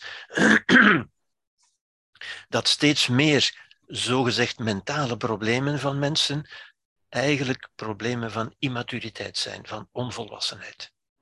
Ja, omdat die, die opvoeding niet af is geraakt, in zekere zin. Ja? Goed. Wat zijn de gevolgen? Wel, de gevolgen, ik heb er al een paar genoemd natuurlijk. Hè. Om te beginnen, kinderen leren niet volwassen omgaan met de zogezegd harde realiteiten en verantwoordelijkheden. Voor ook al die verantwoordelijkheden. Ja? Want een kind leert aan, het is voor niks verantwoordelijk. Ja? Geboden, verboden, moeilijkheden, de wet, leugens, bedrog, onrecht enzovoort, wat Freud en ook Lacan het realiteitsprincipe noemt. De realiteit, die is er gewoon. Als je er niet tegen kunt dat, dat mensen liegen, dat mensen bedriegen, dat mensen onrecht, je hoort het voortdurend. Ja? Mensen die daar niet tegen kunnen, dan, dat, dat zeg ik altijd, dan, dan ga je naar een heel moeilijk leven, want we leven bijna in een bad van leugens, van bedrog, van onrecht. Je hoort het voortdurend. Ja? Die ze niet begrijpen, en dat puntje begrijpen, hè, want ik begrijp dat niet. Oké, je begrijpt het niet, maar je zult het toch moeten aanvaarden. Ja? En ook, ook dit, dat woordje is zo belangrijk, hè? want mensen denken dat ze alleen maar moeten begrijpen wat ze kunnen aanvaarden. Eh, dat, ze alleen maar kunnen aanvaarden wat ze kunnen begrijpen. Pardon, ja? In werkelijkheid zullen we veel dingen moeten aanvaarden die we niet begrijpen. We mogen natuurlijk proberen van te begrijpen, dat is terecht natuurlijk. Maar ook als we het niet begrijpen, ook als we niet begrijpen waarom we rechts moeten rijden, zullen we dat toch moeten doen. Of we komen in conflict met de samenleving. Ja? En die niet om hun wensen en verlangens draaien. De samenleving maakt zich geen zorgen over uw persoonlijke verlangens en uw wensen. En toch zul je het moeten aanvaarden. Ja? En dat wordt hoe langer hoe moeilijker, wordt hoe langer hoe, uh, ja, hoe problematischer uiteindelijk. Hè? En leidt dan vaak tot rebellie, tot pathologie of tot delinquentie. Ja? In de vorm van verslavingen, eetstoornissen, depressie, het, fenomeen hikikomori, ik weet, ik weet niet of iedereen dat kent, dat is iets dat uit Japan overgewaaid is, althans het woord, maar dat zijn, daarmee bedoelt men jongeren, en dat hoor ik ook steeds meer, jongeren die zich op hun kamer terugtrekken met hun computer, heel de dag spelletjes spelen en, en roken en niet meer van hun kamer komen en niks meer doen. Ja. En die mensen komen dan soms bij mij met hun, met hun, met hun zoon. Vaak zijn het toch zonen, niet altijd, maar toch, toch vaak heb ik de indruk. Ja, van, van nu moet je toch eens naar mijn zoon kijken, want dat scheelt toch iets. En dan is die zoon 30 jaar bijvoorbeeld. Dan heeft hij al heel zijn adolescentie en heel zijn jeugd op zijn kamer gezeten met zijn computer en spelletjes gespeeld. Ja? Want hij moet zich toch goed kunnen voelen. Ja? Hij moet toch kunnen doen wat hij wil en zo verder. Zie je, een, een flagrant gebrek aan vaderlijke functie. En, en dan zie ik ook, als ik die ouders zie, ja, die vader, die, die, die zit erbij en die kent zijn rol niet en heeft hij ook nooit gekend. Ja? Niet omdat hij slecht is of, of lui of dom, maar omdat ook dat men ons niet leert. Ja? We worden daar niet op gewezen. We worden zo niet in die wijsheid niet opgevoed. Ja? Drugsdealen, diefstallen, afpersing, die we bij steeds jongere mensen zien, hè, de delinquentie, carrément delinquentie. Hè. Dit kunnen we nog pathologie noemen, maar dat wordt delinquentie. Ja. En dan komen we natuurlijk in aanraking. Wie moet dan tussenkomen? Wel, dat wat ik noem de vervangende, de remedierende vaderlijke functie. Dan moet er een andere vaderlijke functie, ja, vaak hardhandig, maar ook niet altijd. Hè. En waaruit bestaat die? Wel, dat is de school, dat is therapie, dat is de psychiatrie en dat is het gerecht. Ja? Die moeten vaak tussenkomen of, of aanvullend optreden om dat wat in de opvoeding niet is gebeurd, alsnog te pogen te corrigeren. Ja? Wat natuurlijk niet altijd lukt, of, of ik zou beter zeggen, wat meestal niet lukt uiteindelijk. Want de goede tijd voor de opvoeding is dan toch voorbij, zou je kunnen zeggen. Ja? En ook daar zien we daar, en dat is de, de, de, de klacht van, van de meeste um, um, uh, leraren in de school, en directies natuurlijk ook, hè, maar ook in de psychiatrie, in de psychiatrische klinieken. Ja, ook daar wordt dat vaak ondermijnd door tussenkomst van de moeders en van de ouders. En als de leraar een beetje te streng of wat te veel straf geeft, dan wordt er onmiddellijk gebeld door de ouders. Ja, maar mijn zoon is, zo, is hoogsensitief en, is, en, en kan daar niet tegen, en, en zo verder. Ja. En dus ook daar wordt die vaderlijke functie. Ja. En ook in de psychiatrie hoor ik moeders ja, die meelijden, om te beginnen leidend zijn, zich leidend opstellen. Ja wat natuurlijk geen goed doet aan die, aan die zoon, maar dan bovendien naar die kliniek bellen en, en contact hebben met de hoofdpsychiater om te zeggen, ja, maar mijn zoon, die is toch zo gevoelig en, en die is toch zo, uh, zo, zo hoogbegaafd en zo creatief en die moet een speciale behandeling krijgen. Ja? Dus ook daar wordt dat, ja. En zelfs in het gerecht, zelfs in de processen, ja, wordt hebben de moeders, de ouders, ook hun advocaten natuurlijk, die zeggen, ja maar, ja, maar kijk eens hoe moeilijk die jongen het heeft gehad, en, en je moet toch begrijpen dat, en zo verder. En dus je ziet, ik hoop, ik hoop dat u het een beetje met mij ziet, ik, ik denk dat ik een beetje overdrijf, maar toch niet heel veel. En ik denk dat wie een beetje rondkijkt, eh, dat ook wel zo ziet natuurlijk. Hè. Ouders die zeggen, tegen de leraren, maar ook tegen de psychiaters, ook tegen therapeuten, ook tegen het gerecht natuurlijk. Hè. Wij begrijpen niet waarom mijn zoon dat moet. Ja? En wij kunnen dat niet aanvaarden. Ja? Nota bene, zou ik zeggen, dat is een stukje, de, de, de rol van de remedierende vaderlijke functie werd vroeger gespeeld door de vroegere legerdienst. Voor een stuk die nogal rechtdoor was en die nogal weinig komaf maakte met al die supergevoelige en die, en die hypersensitieve jongeren en zo verder. Ja? En die de rol van de vaderlijke functie. Maar die is er nu ook niet meer natuurlijk. Ja? En het is in dat opzicht, het is wel interessant dat, dat iemand als Jonathan Holslag bijvoorbeeld onlangs heeft voorgesteld en het een goede zaak zou vinden, en ik denk dat het een goede zaak zou zijn, van gewoon een dienst, een sociale, een maatschappelijke dienst terug in te voeren. Niet noodzakelijk in het leger, maar gewoon een, een dienstbaarheid aan de samenleving, waarvan men toch zoveel krijgt.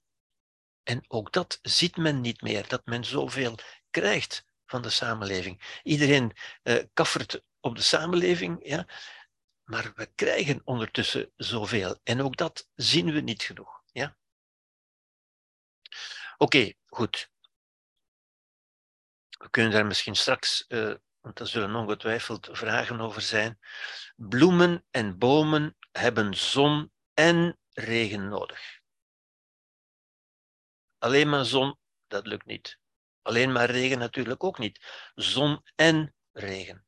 En ik zou zeggen als conclusie hiervan, ja, kinderen hebben moederlijke en vaderlijke functie nodig. Ja. Dus ik denk dat er een soort, een soort correctie, een soort maatschappelijke correctie moet komen. Ja, in die moederlijke en vaderlijke functie. Dat die vaderlijke functie om te beginnen geherwaardeerd zou worden. Het is niet tegen de moeders, ja, maar het is wel ten een pleidooi om het, voor het herwaarderen van die vaderlijke functie. Het herwaarderen en het terug invoeren en het zien dat dat nodig is. Ja? Ook als die kinderen daartegen protesteren en dat niet fijn vinden. En dat is wat een vader moet kunnen verdragen. Dat zijn kinderen dat niet fijn vinden. Maar daarvoor heeft hij een, een ethische, een morele basis nodig om te beseffen, dit is wel het goede om te doen. Ik doe dit niet omdat ik tegen mijn kinderen ben, maar omdat ik het goede voor mijn kinderen wil. Ja? En dat bedoel ik met die herwaardering van de, van de vaderlijke functie. Ja? Die natuurlijk, ik weet het wel, en, en feministen zeggen dat ook vaak, die ook door de moeder kan worden uitgeoefend. Maar u zult het met mij eens zijn dat moeders het veel moeilijker vinden om nee te zeggen tegen hun kinderen en om zich door hun kinderen gehaat te maken. Ja? Goed. Waarom? Dus het gaat over ervaring en narratief. Ja? Heel in het kort. In het kader, nog altijd in het kader van, van emotie en reden, of emotie en narratief als u wil. Waarom is een bevalling dat toch een heel erge, ernstige, ingrijpende ervaring is? Ja? Pijnlijke ervaring, zeer pijnlijke ervaring. Waarom is dat toch geen trauma? Wel, in het kort, vanwege het narratief van betekenis. Omdat men het aanvaardt, omdat het een betekenis heeft. Men ziet er een betekenis in. En dan kan men alles aanvaarden. Ja? Men wordt erop voorbereid bovendien, men kijkt er naar uit, men wordt gefeliciteerd, er komt een nieuw leven en zo verder. Ja? Allemaal dingen, een narratief. En dan ziet u ook, het zijn niet de feiten. De feiten zijn dat het een zeer pijnlijke gebeurtenis is die men terecht een trauma zou kunnen noemen, ja? maar door het narratief wordt onze beleving bepaald. Ja?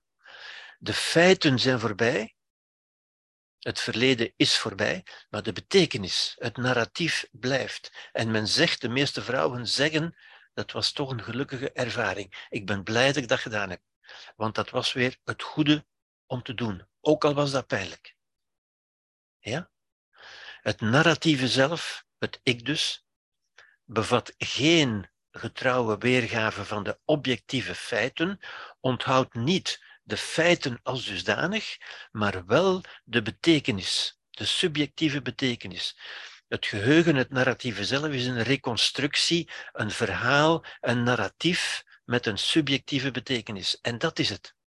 Het verleden is ook voorbij.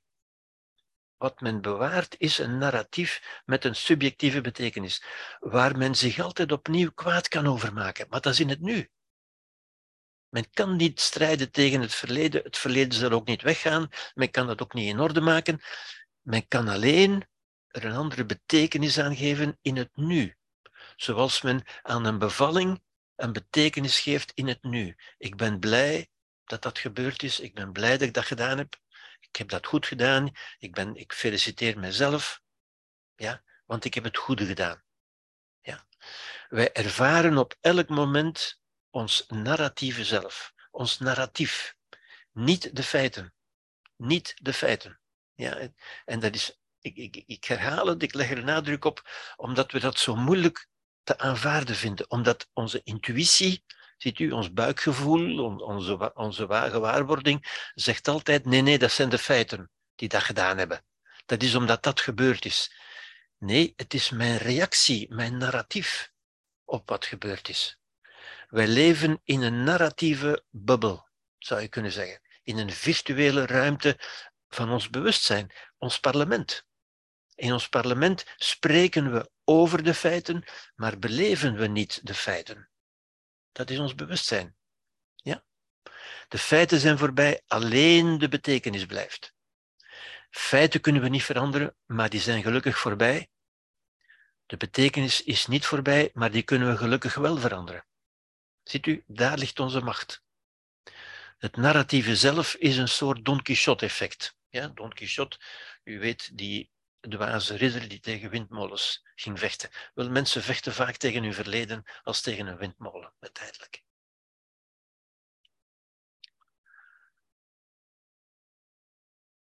Hoe kan men, ja, ik heb de vraag al beantwoord, hè, hoe kan men lijden onder het verleden? Dat kan natuurlijk niet. Hè. Waarom is het einde van een relatie een lijden? Ja? Waarom is het einde van een reis geen verlies en geen lijden? Ja? Allemaal vragen die u kunt stellen en waarop u nu het antwoord weet vanwege het narratief dat men erbij vertelt. Ja? Waarom is een bevalling geen trauma? Ik heb het net gezegd natuurlijk, vanwege het narratief. En dus u ziet het enorme belang van het narratief, wat we erbij vertellen, wat we onszelf erbij vertellen. Ja? Niet tegen anderen, maar tegen onszelf. En zoals ik u gezegd heb, ons lichaam, ons organisme luistert altijd mee met wat we vertellen. Ja? Peter Adriaanse zei dan ook, schrap het woord slachtoffer. Ja? Men is maar één keer slachtoffer, namelijk op het moment dat het gebeurt, in het verleden. Daarna is men een persoon met een verleden van. Dat wel. Met een verleden van. Ja. Oké, Ehm, men kan zich door bepaalde uitspraken of handelingen, en dat zien we ook regelmatig natuurlijk, hè, beledigd of gekwetst voelen. Met de nadruk, de aanhalingstekens rond voelen. Dat is wat wij voelen. Ja. Of men kan erom glimlachen. Ziet u, dat is weer de keuze. Dat is de keuze die wij hebben. Ja. Men kan zich door levenservaringen gekwetst, beledigd, getraumatiseerd voelen. En zolang we dat blijven zeggen, gaan we dat ook voelen. Niet door de ervaring als dusdanig, maar door de ervaring die we creëren door het narratief. Ja? Of men kan zich verrijkt voelen. En gewoon dat simpele woordje, en ik zeg dat toch soms ook tegen patiënten zo, die, die een beklag doen over hun verleden, wat ze allemaal meegemaakt hebben, en dan ben ik soms zo stout van te zeggen, dan heb je toch een rijk leven gehad. En alleen die herformulering maakt dat sommigen eventjes stilstaan en zeggen, ja, ja, eigenlijk wel. Ja, ziet u? En waar is dan de pijn, waar is de kwetsuur? Die zijn weg, want die zijn er niet. Dat is ons narratief. Er is alleen maar het narratief. Ja. Seneca zei, Seneca, de grote stoïcijn, zei: verander uw definitie van belediging en er is geen belediging. Een belediging is alleen maar een narratief. Objectief gezien zijn er geen beledigingen. Objectief gezien zijn er alleen maar bepaalde uitspraken, bepaalde woorden die worden uitgesproken. En die men kan interpreteren, die men kan gaan zien als een belediging of een kwetsuur. En dan gaat men dat ook voelen of waar men kan gaan om glimlachen. En dan gaat men een andere ervaring creëren. Ja? Feiten zijn onherroepelijk voorbij. Wat blijft zijn voorstellingen, verhalen en betekenissen over verzet en oorlog of over vrede. Men kan in verzet en oorlog blijven, hè? Ook al zijn de feiten al lang voorbij, men kan er in oorlog mee blijven. Dat is een ongelooflijk vermogen dat de mens heeft, maar het is wel de mens die dat doet. Het zijn niet de feiten. Ja? Het kan gaan over niet-aanvaarding of over aanvaarding, over lijden of over mededogen en sereniteit. En ziet u, dat is weer een cognitieve stijl, een manier van erover te spreken. Ja? In een nee-logica of in een ja-logica. Die kunnen vervagen en dat vervagen is wat men dan vaak noemt de tijd die zijn werk doet. Maar de tijd doet helemaal geen werk, de tijd doet helemaal niks. Die narratieven die actief verzacht kunnen worden, en dat noemen we dan verwerking. Verwerking door therapie, door bewustwording, door redelijkheid, door mededogen, door een positieve betekenisgeving. Wat is een positieve betekenisgeving? Wel, aan die pijnlijke feitelijkheid van een bevalling de positieve betekenis geven van dat was toch het goede wat ik heb gedaan. Dat was een fijne, een gelukkige gebeurtenis. Dat is een positieve betekenisgeving. Ja. Maar die ook aangescherpt kunnen worden, en dat gebeurt ook vaak. Dat mensen de feiten nog wat erger maken door een narratief dat het aanscherpt, door steeds weer herhaalde sociale verhalen en clichés over wonden, kwetsuren, slachtofferschap, beschadiging enzovoort. En men kan blijven zeggen, ja, ik voel nog altijd die wonden in mezelf. Ja. Natuurlijk, als u zegt, als u gelooft dat u een wonde hebt, dat u gewond bent, dan gaat u het ook voelen. En dan zult u zeggen, ja, ik weet dat, want ik voel het. Ja, natuurlijk, u voelt het omdat u het denkt te weten. Ja. U voelt uw narratief. Wij voelen altijd ons narratief. Ja. Iets wat ik niet genoeg kan, kan herhalen als, als essentieel inzicht om, om tot, ja, tot volwassen wijsheid te komen. Ook dat is dus eigenlijk allemaal vaderlijke functie. Hè? Dat is wat de vader, natuurlijk kan de moeder dat ook, nogmaals, ja, maar het is de vaderlijke functie. Wat de vader in de persoon van de moeder of van de vader zou moeten bijbrengen aan kinderen. Eigenlijk zouden we dit al van in onze jeugd moeten weten, doodgewoon. Ja? En zou ik dat niet in therapie aan mensen moeten zeggen? En dan ga ik nogmaals samenvatten. Ja. Dus een gebeurtenis, daar kunnen we op reageren in een nee-logica. Met pessimisme en, en al die woorden die ik al gegeven heb, die tot lijden lijden, die tot lijden voeren. Ja? Lijden in de vorm van angst, stress, woede enzovoort. Dat moet ik u nu niet, niet meer terug uh, aangeven. Of we kunnen, ja, en dat is onze keuze, we kunnen reageren met een ja-logica. Ja. Aanvaarding, optimisme, de woorden die we nu allemaal goed kennen wat leidt tot welzijn. Welzijn met die woorden rust, vrede, geweldloosheid, mededogen, sereniteit enzovoort. En de uitdaging levenskunst is dus in feite deze pijl. Eigenlijk komt dat neer op die blauwe pijl in mijn, mijn eerdere dia, zou je kunnen zeggen. Ja. En dan nogmaals, hoe komen we van het een in het ander? Want dat is toch de uitdaging? Dit doet zich bijna spontaan voor, zou je zeggen, bijna automatisch, is onze emotionele moedertaal. Ook door de evolutie, ik zeg dat nogmaals, we zijn zo geprogrammeerd, ja, maar de cultuur speelt daar ook zijn rol in. Maar het berust ook op evolutionaire logica. Ja. Dit is wat we kunnen leren. En dus de, de uitdaging voor ons die niet meer in de, cultuur in de natuur leven, maar in een cultuur, is van deze overgang te maken. En die kunnen we dus maken door verwerking, rouw, dat heb ik nu al aangegeven, herstel, heling, door zingeving. Ja?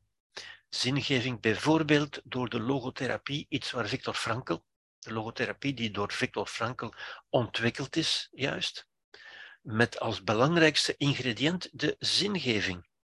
Iets wat ook Nietzsche zei iemand die een positieve zingeving heeft, wat we ook bij, bij uh, Edith Eger zien bijvoorbeeld. Als u iets een positieve zin weet te geven, dan kunt u alles aanvaarden. Niet alleen een bevalling, de, de fysieke pijn van een bevalling, maar ook, zoals Edith Eger in haar boeken aantoont, de boeken De Keuze en het Geschenk, ja, ook de Holocaust. Ja, wat Victor Frankl en, en Edith Eger zo, zo zo ongelooflijk hebben aangetoond uiteindelijk. Men kan dat ook noemen cognitieve herijking. Dat wil zeggen, er anders gaan over denken. Ja? Kan ik mijn gedachten niet herijken? Kan ik niet meer, meer um, neutraal denken, kan ik niet meer um, antropoloog worden en vandaar als opstap naar meer zingeving. Ja? We kunnen het ook inzicht, de inzichten die ik u heb meegegeven hier, creativiteit, om het anders te gaan zien. Ja? Responsabilisering, de verantwoordelijkheid opnemen in plaats van ze af te schuiven. Van ik kan er niks aan doen, het was mijn verleden, het was mijn opvoeding, ik kan er niks aan doen. Ja? En dan komen we tot bewustwording. Mindfulness is daar ook bij natuurlijk, hè, hoort daar zeker bij. Ja? Dankbaarheid, ja?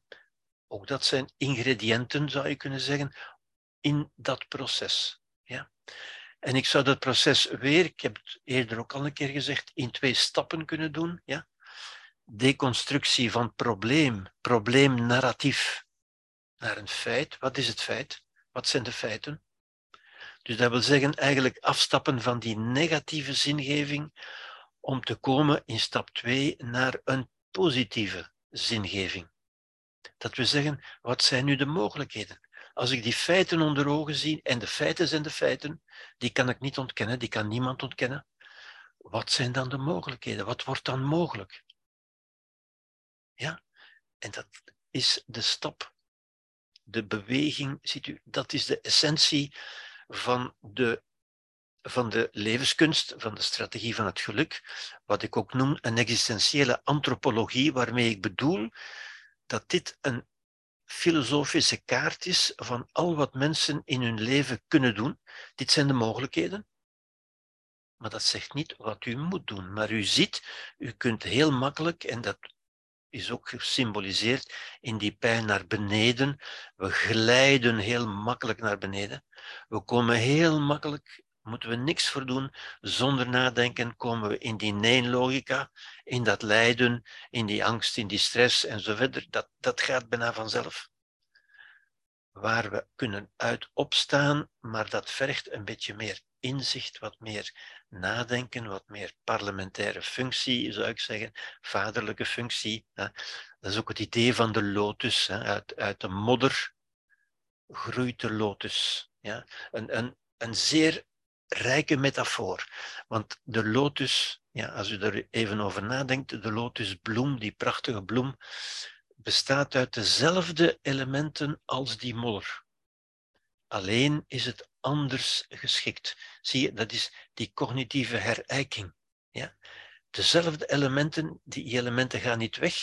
Die, ik kan die niet wegdenken, mijn verleden gaat niet weg, maar ik kan dat herwerken, ik kan dat cognitief herijken om daar iets moois van te maken. Kan dat? Ja, dat kan. En dat wordt ons getoond door die bijzondere mensen, door bijzondere mensen zoals Victor Frankl of, Edith Heger. Ja.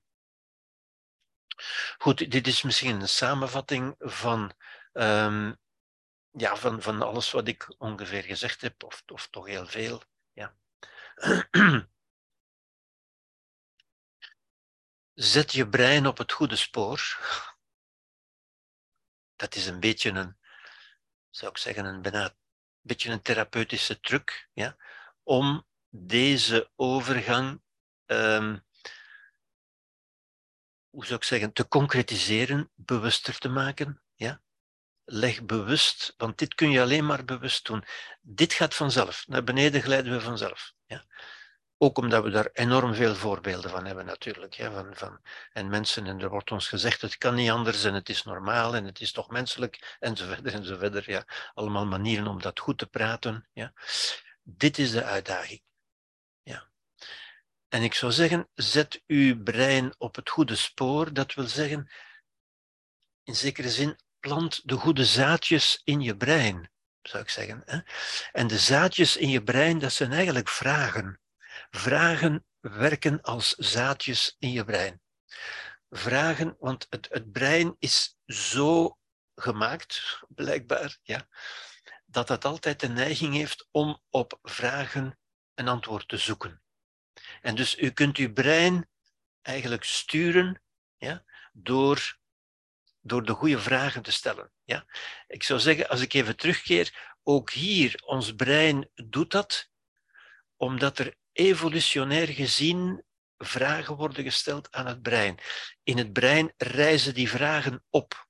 Namelijk, is dat hier wel, wel, veilig? Is dat niet gevaarlijk? Zijn er geen roofdieren? Zijn er geen, geen vijanden? Ja? En daar gaan we onmiddellijk naar op zoek. En we vinden ook onmiddellijk vijanden waar we moeten gaan tegen vechten en zo verder. Ja? En die vragen sturen ons brein in die richting. Ons brein, ons bewustzijn natuurlijk. Ja? Dat zijn de vragen die evolutionair in ons gesteld worden. Nu, wij kunnen heel bewust op een cognitieve manier, op een bewuste manier, andere vragen gaan stellen om ons brein naar die bovenkant te sturen.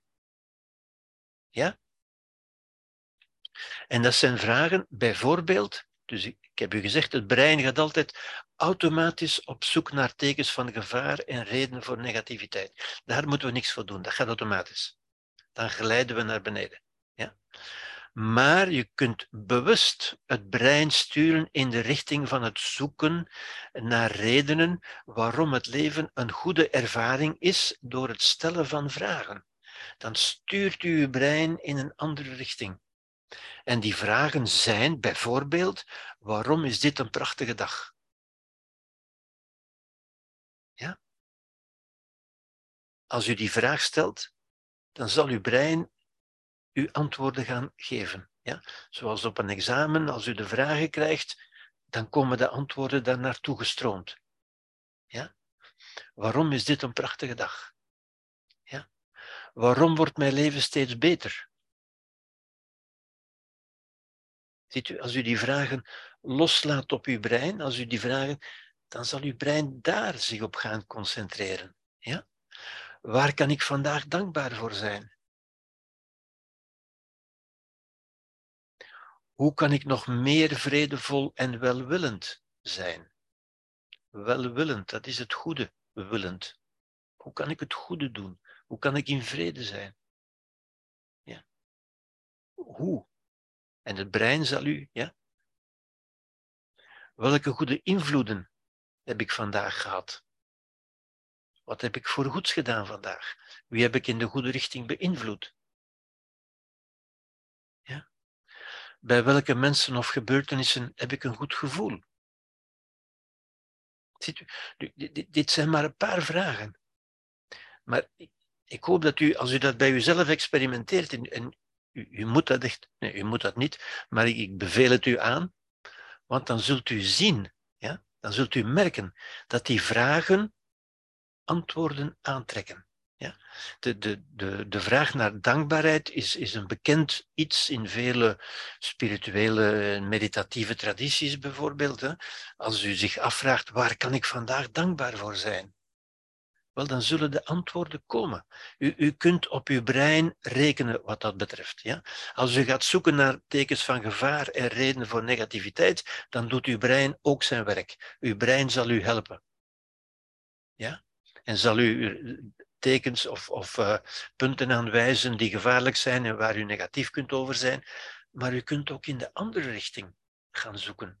Door uw brein te primen, door uw brein vragen te geven. Ja? Dit is een beetje een, een, een therapeutische tool, zou ik zeggen, maar die u heel makkelijk op uzelf kunt toepassen. Ook dit, begrijpt u, ook dit ziet u natuurlijk, heeft een plaats in, in een vaderlijke functie. Want dat is wat u zelf kan doen.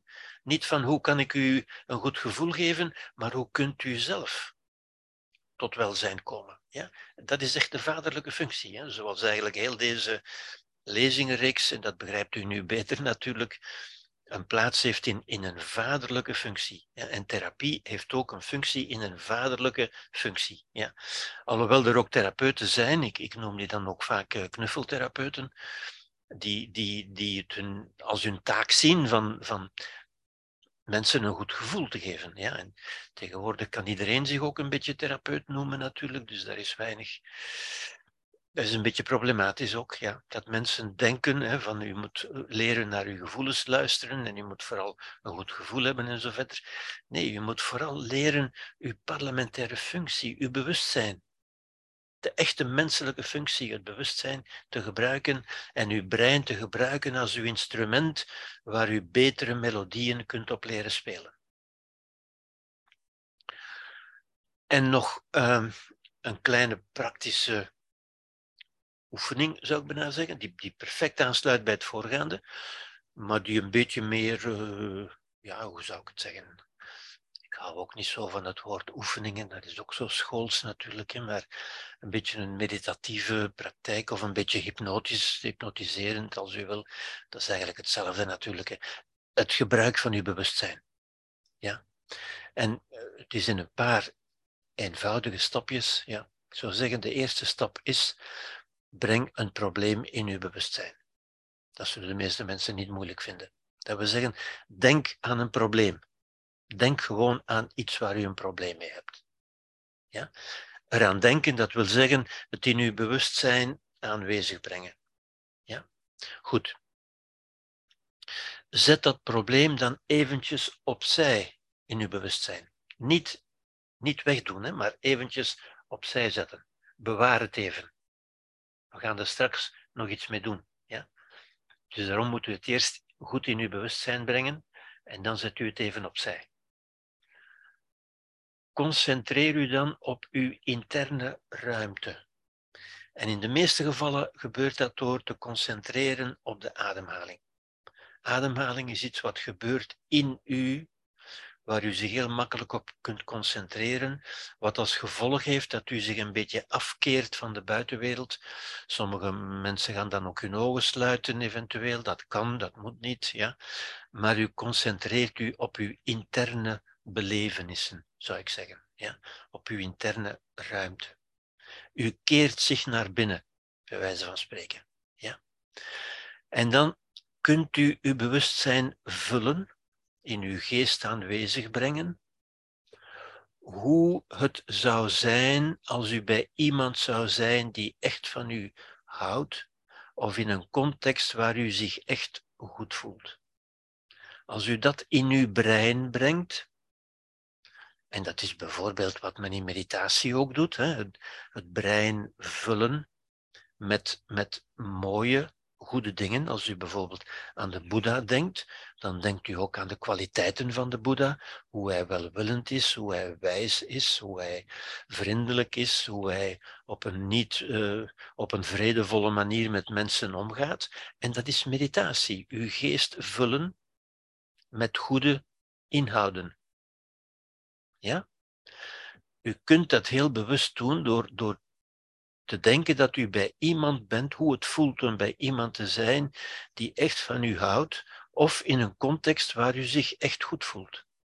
En dat goed voelen, ja, dat moet u dan eventjes cultiveren. U moet dat eventjes ja, goed voelen of doorvoelen, zoals mensen dat soms noemen. Ja, dat echt in u aanwezig laten zijn. En dan is een volgende stap dus ervaar zo volledig mogelijk de diepe emoties van vrede, vreugde en dankbaarheid. Door dit te doen, ervaart u dat zo volledig mogelijk. U, u vult daar, u laat daar uw bewustzijn mee vollopen, de wijze van spreken. en dan, dit, dit, ja, wat, wat u daarmee doet, is dit creëert en of versterkt de betrokken neuronale netwerken in het brein. U weet nog wel dat miljoen, miljard netwerken waar ik u over gesproken heb, wel die creëert u op die manier. Of u versterkt ze als er al zijn. Vooral die in de prefrontale cortex, maar dat heeft nu niet veel belang uiteindelijk. Ja. Maar u versterkt daarmee neuronale netwerken in uw brein. Als u dat doet met uw brein, dit is dit is iets wat u met uw brein doet, waardoor u in uw brein bepaalde veranderingen teweeg brengt, bepaalde neuronale netwerken versterkt en verstevigt, waardoor die gemakkelijker aangesproken kunnen worden. En dan de volgende stap is van die persoon of die context te laten vervagen, de persoon of de context die u hier gebruikt hebt, te laten vervagen of te laten verdwijnen, in de achtergrond te laten verdwijnen, maar met behoud van de ervaring met behoud van, die, van dat goede gevoel en dat, door dat te verankeren in een beeld, een symbool of een geste, een handeling, iets wat u doet. U kunt, dat, u kunt een soort symbool voor uzelf kiezen. Ja? Dat kan een beeld zijn, dat kan een, een symbool zijn, iets, ja? of een bepaalde handeling waardoor u dat altijd makkelijk terug kunt oproepen. Als u, u kunt dat symboliseren in een beeld en als u dat beeld dan oproept, voelt u weer die, die emotie die bij dat beeld hoorde. Ja? En dan denk dan vanuit die ingesteldheid opnieuw aan uw probleem dat u even opzij hebt gezet. En vanuit die ingesteldheid kunt u dan zien dat uw probleem misschien niet zo'n groot probleem is. Of althans niet die impact op u heeft die u dacht dat het had. Voilà, als u dat mee hebt gedaan terwijl ik het zei, en dat had u kunnen doen, dan, dan zou u dat eigenlijk al meteen ervaren. Ik, ik doe dat ook wel eens met patiënten, ja, en die, die, het is die ervaring. Als u dat ervaart, dat is belangrijk natuurlijk, hè, want ik kan u dat wel zeggen, maar als u het niet doet en het niet ervaart, dan zult u het ook niet opnemen natuurlijk. Hè. Het is, als u dat ervaart en als u ervaart van ja, het is echt zo, het werkt gewoon zo, ja. We begrijpen dat niet helemaal, maar het werkt zo. Dit is hoe het brein werkt, hoe het bewustzijn werkt, zowel bij lijden als bij welzijn. Alleen gaat lijden automatisch, maar welzijn kunnen we creëren met gebruik van dezelfde breinmachinerie, zou ik bijna zeggen, door hetzelfde breininstrument, kunnen we ook dit doen. We kunnen dat instrument leren gebruiken ten gunste van ons, of we kunnen erdoor gebruikt worden om ellende te creëren. Ja. Voilà. en dat ik nog één plaatje heb misschien. Ja, een quote die ik vaak gebruik.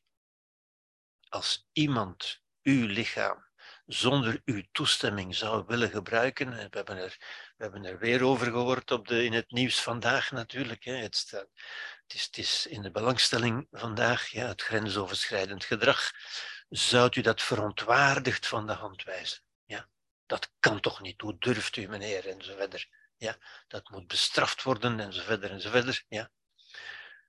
Maar als u de macht over uw emoties zonder meer aan anderen en aan omstandigheden overlaat, en dat doen we regelmatig, door te zeggen, die heeft mij kwaad gemaakt, die heeft mij angstig gemaakt, die heeft mij stress bezorgd en zo verder, dan geeft u de macht over uw emoties over aan anderen en aan omstandigheden. Dan noemt u dat, dan vindt u dat normaal en zelfs een teken van bijzondere gevoeligheid. Ja, dit zou iemand van deze tijd kunnen geweest zijn die dit gezegd heeft. Het is niet van deze tijd, het is van Epictetus uit het begin van onze tijdrekening. Een wijsheid van, van Epictetus, de ongelooflijke wijsheid van Epictetus. Ja naast een ander, naast Marcus Aurelius en anderen natuurlijk, de, de wijsheid van, van die humanistische filosofie van het begin van onze tijdrekening, de Grieks-Romeinse humanistische filosofie, ja, die wij helaas verloren zijn. Ja. Dit is vaderlijke functie natuurlijk. Ja. Dit zet ons aan om, om na te denken en te zien, ja, zo kunnen wij ook gaan leven. Dit is vaderlijke functie. Ja. Oké. En ik denk dat ik nog één plaatje heb. Ja, ja, dit plaatje, hiermee illustreer ik. De meeste mensen kennen dit natuurlijk. Ik had het ook al eerder kunnen tonen, maar dit is een plaatje waarin de meeste mensen nu weten dat er een jongere en een oudere dame te zien is. En ik gebruik dit als illustratie, als symbool, om aan te geven, in de werkelijkheid is zowel ja als nee aanwezig. U kunt er zowel een ja als een nee in zien, met andere woorden. De, de werkelijkheid, de feiten, dit is een feit. Dit is een feit, dit zijn zwarte vlekken en, en zwarte lijnen op een, op een heldere achtergrond, dat is het feit. Ik kan daarin een jonge vrouw of een oudere vrouw zien. Zoals ik ook in de feiten, dat is een symbool, ja, zoals ik in de feiten een ja of een nee narratief kan zien. Maar dat is wat ik doe, hoe ik ermee omga.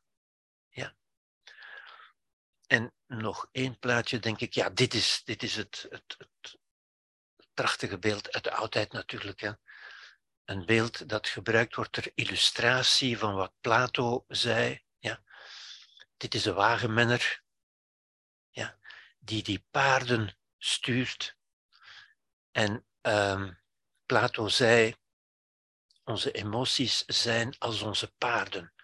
Prachtige, krachtige dieren waar we veel plezier kunnen aan beleven, als we ze in de goede richting sturen. Want, zei Plato, er is één ding wat je niet moet doen, en dat is je paarden laten beslissen waar je naartoe gaat. Dat moet jij wel doen. Jij, dat is onze redelijkheid, ons bewustzijn, ons parlement, zou je kunnen zeggen. Ziezo, en hiermee sluit ik deze lezingenreeks af. En dank ik u voor uw aandacht. En ben ik nog beschikbaar voor eventuele vragen die er zouden zijn.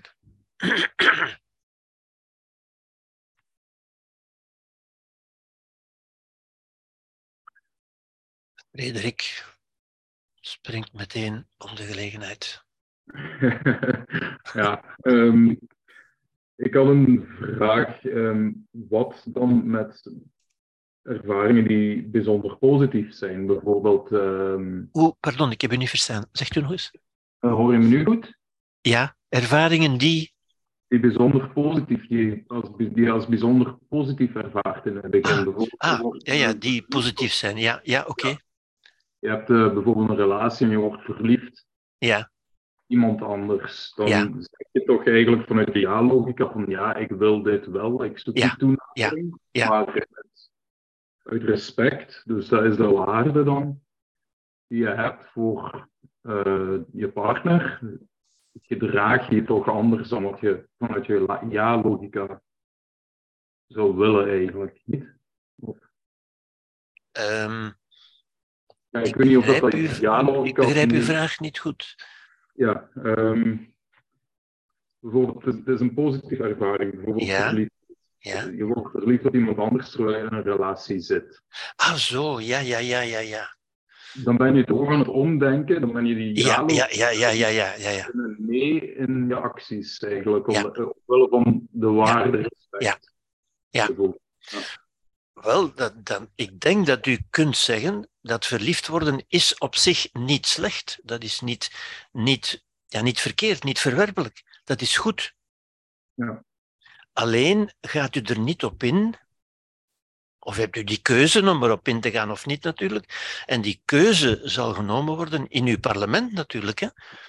U zult overwegen, u zult overleggen ik heb een partner, ik, ik ben verliefd. Maar, maar het is belangrijk van te zien dat die verliefdheid, dat is niet slecht.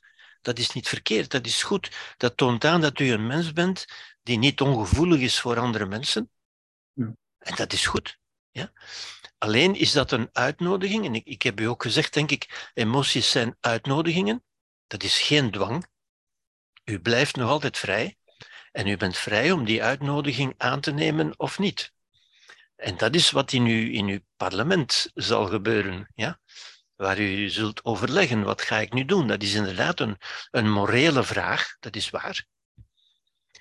En zoals op alle morele vragen is daar geen duidelijk antwoord op. Het is geen wiskundige vergelijking die je kunt oplossen in een eenduidig antwoord. Het is een, een morele vraag die u ja, zult moeten beantwoorden. U zult moeten een antwoord geven. U, u kunt niet geen antwoord geven natuurlijk. Hè. U moet een antwoord geven en er de gevolgen van dragen. Dat is ook wat Sartre zegt, hè, wat hij ook tegen een jonge man zei. Ik heb het al eens verteld, denk ik. Hè. Hij, zei: neem een beslissing, maak een keuze. en aanvaardt de gevolgen. Maar er is, er is geen, uh, geen logische of mathematische uitweg uit. Ja? Het, het blijft een keuze. En ik denk dat u moet zien of dat we kunnen. Het is, het is ook juist een keuze, omdat het geen keuze tussen goed en slecht is. Als het een keuze tussen goed en slecht was, zou de keuze gemakkelijk zijn. Maar het is een, moeilijk omdat het een keuze is tussen twee dingen die in zich in wezen goed zijn. En dat maakt het moeilijk.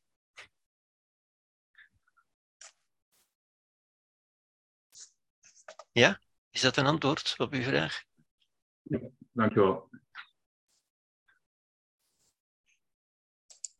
Uh, ja, Dina? Ik even, ja, ja. aan mute. Ja. Um, Gerbert, um, ik heb toch, je had het voorspeld en het komt er ook aan.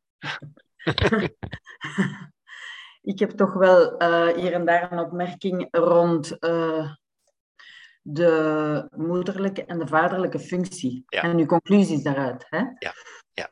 Um, ik ben het, om te beginnen, helemaal eens met het feit dat onze maatschappij veranderd is en dat we naar een, een, uh, een koesterende maatschappij gaan met die, die heel uh, toelaatbaar is en dat we zo ja. Uh, ja, in de opvoeding dat er um, te weinig weerbaarheid ja. de, gekweekt wordt, of hoe moet je het zeggen. Hè? Ja. Dus dat, dat, dat, kan ik niet ontkennen, helaas niet. Hè? We zien dat dat inderdaad het geval is.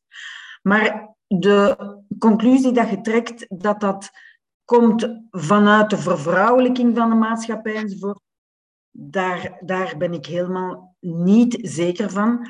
Mhm. Uh, ik heb daar verschillende bedenkingen bij. Een van de bedenkingen is dat um, vroeger had je dus het patriarchaal en matriarchaal gebeuren. Hè? En dan waren het uiteindelijk voornamelijk inderdaad de moeders die opvoeden en de vaders die afwezig waren. Ik ben helemaal niet zo zeker dat het feit dat de vaders afwezig waren en zo, dat dat um, hun, hun rol uh, zo expliciet duidelijk maakte. En ik denk, het zou even goed kunnen zijn dat die moeders die er waren, eigenlijk ervoor zorgen, voor zorgden dat de kinderen meer weerbaarheid hadden. Dat kan ook. Hè? Daar is... Dat kan. Dat kan. Hè? Allee, en ik vind het ook uh, een beetje, um, ja, uh, toch niet helemaal juist van te zeggen, ik ervaar het in de praktijk, mijn collega's ervaren het in de praktijk. Ja, dat is ook geen wetenschap nee, natuurlijk. Nee, nee, dat is waar. Dat is waar. Dus dat is, uh, dat is, net dat is waar. Dat is, maar het, gaat, het is geen wetenschap, het is een observatie. Het is een observatie, ja, ja, maar natuurlijk, dat is een manier om, om toch het te bekrachtigen, het te ja. proberen te bekrachtigen. ja. Um, en allee, je haalt ook Lacan aan enzovoort. En ik vind, dat is een mooie, dat is een mooie termen, moederlijk en vaderlijk, iedereen kan daarmee misschien wel wat begrijpen. Hè?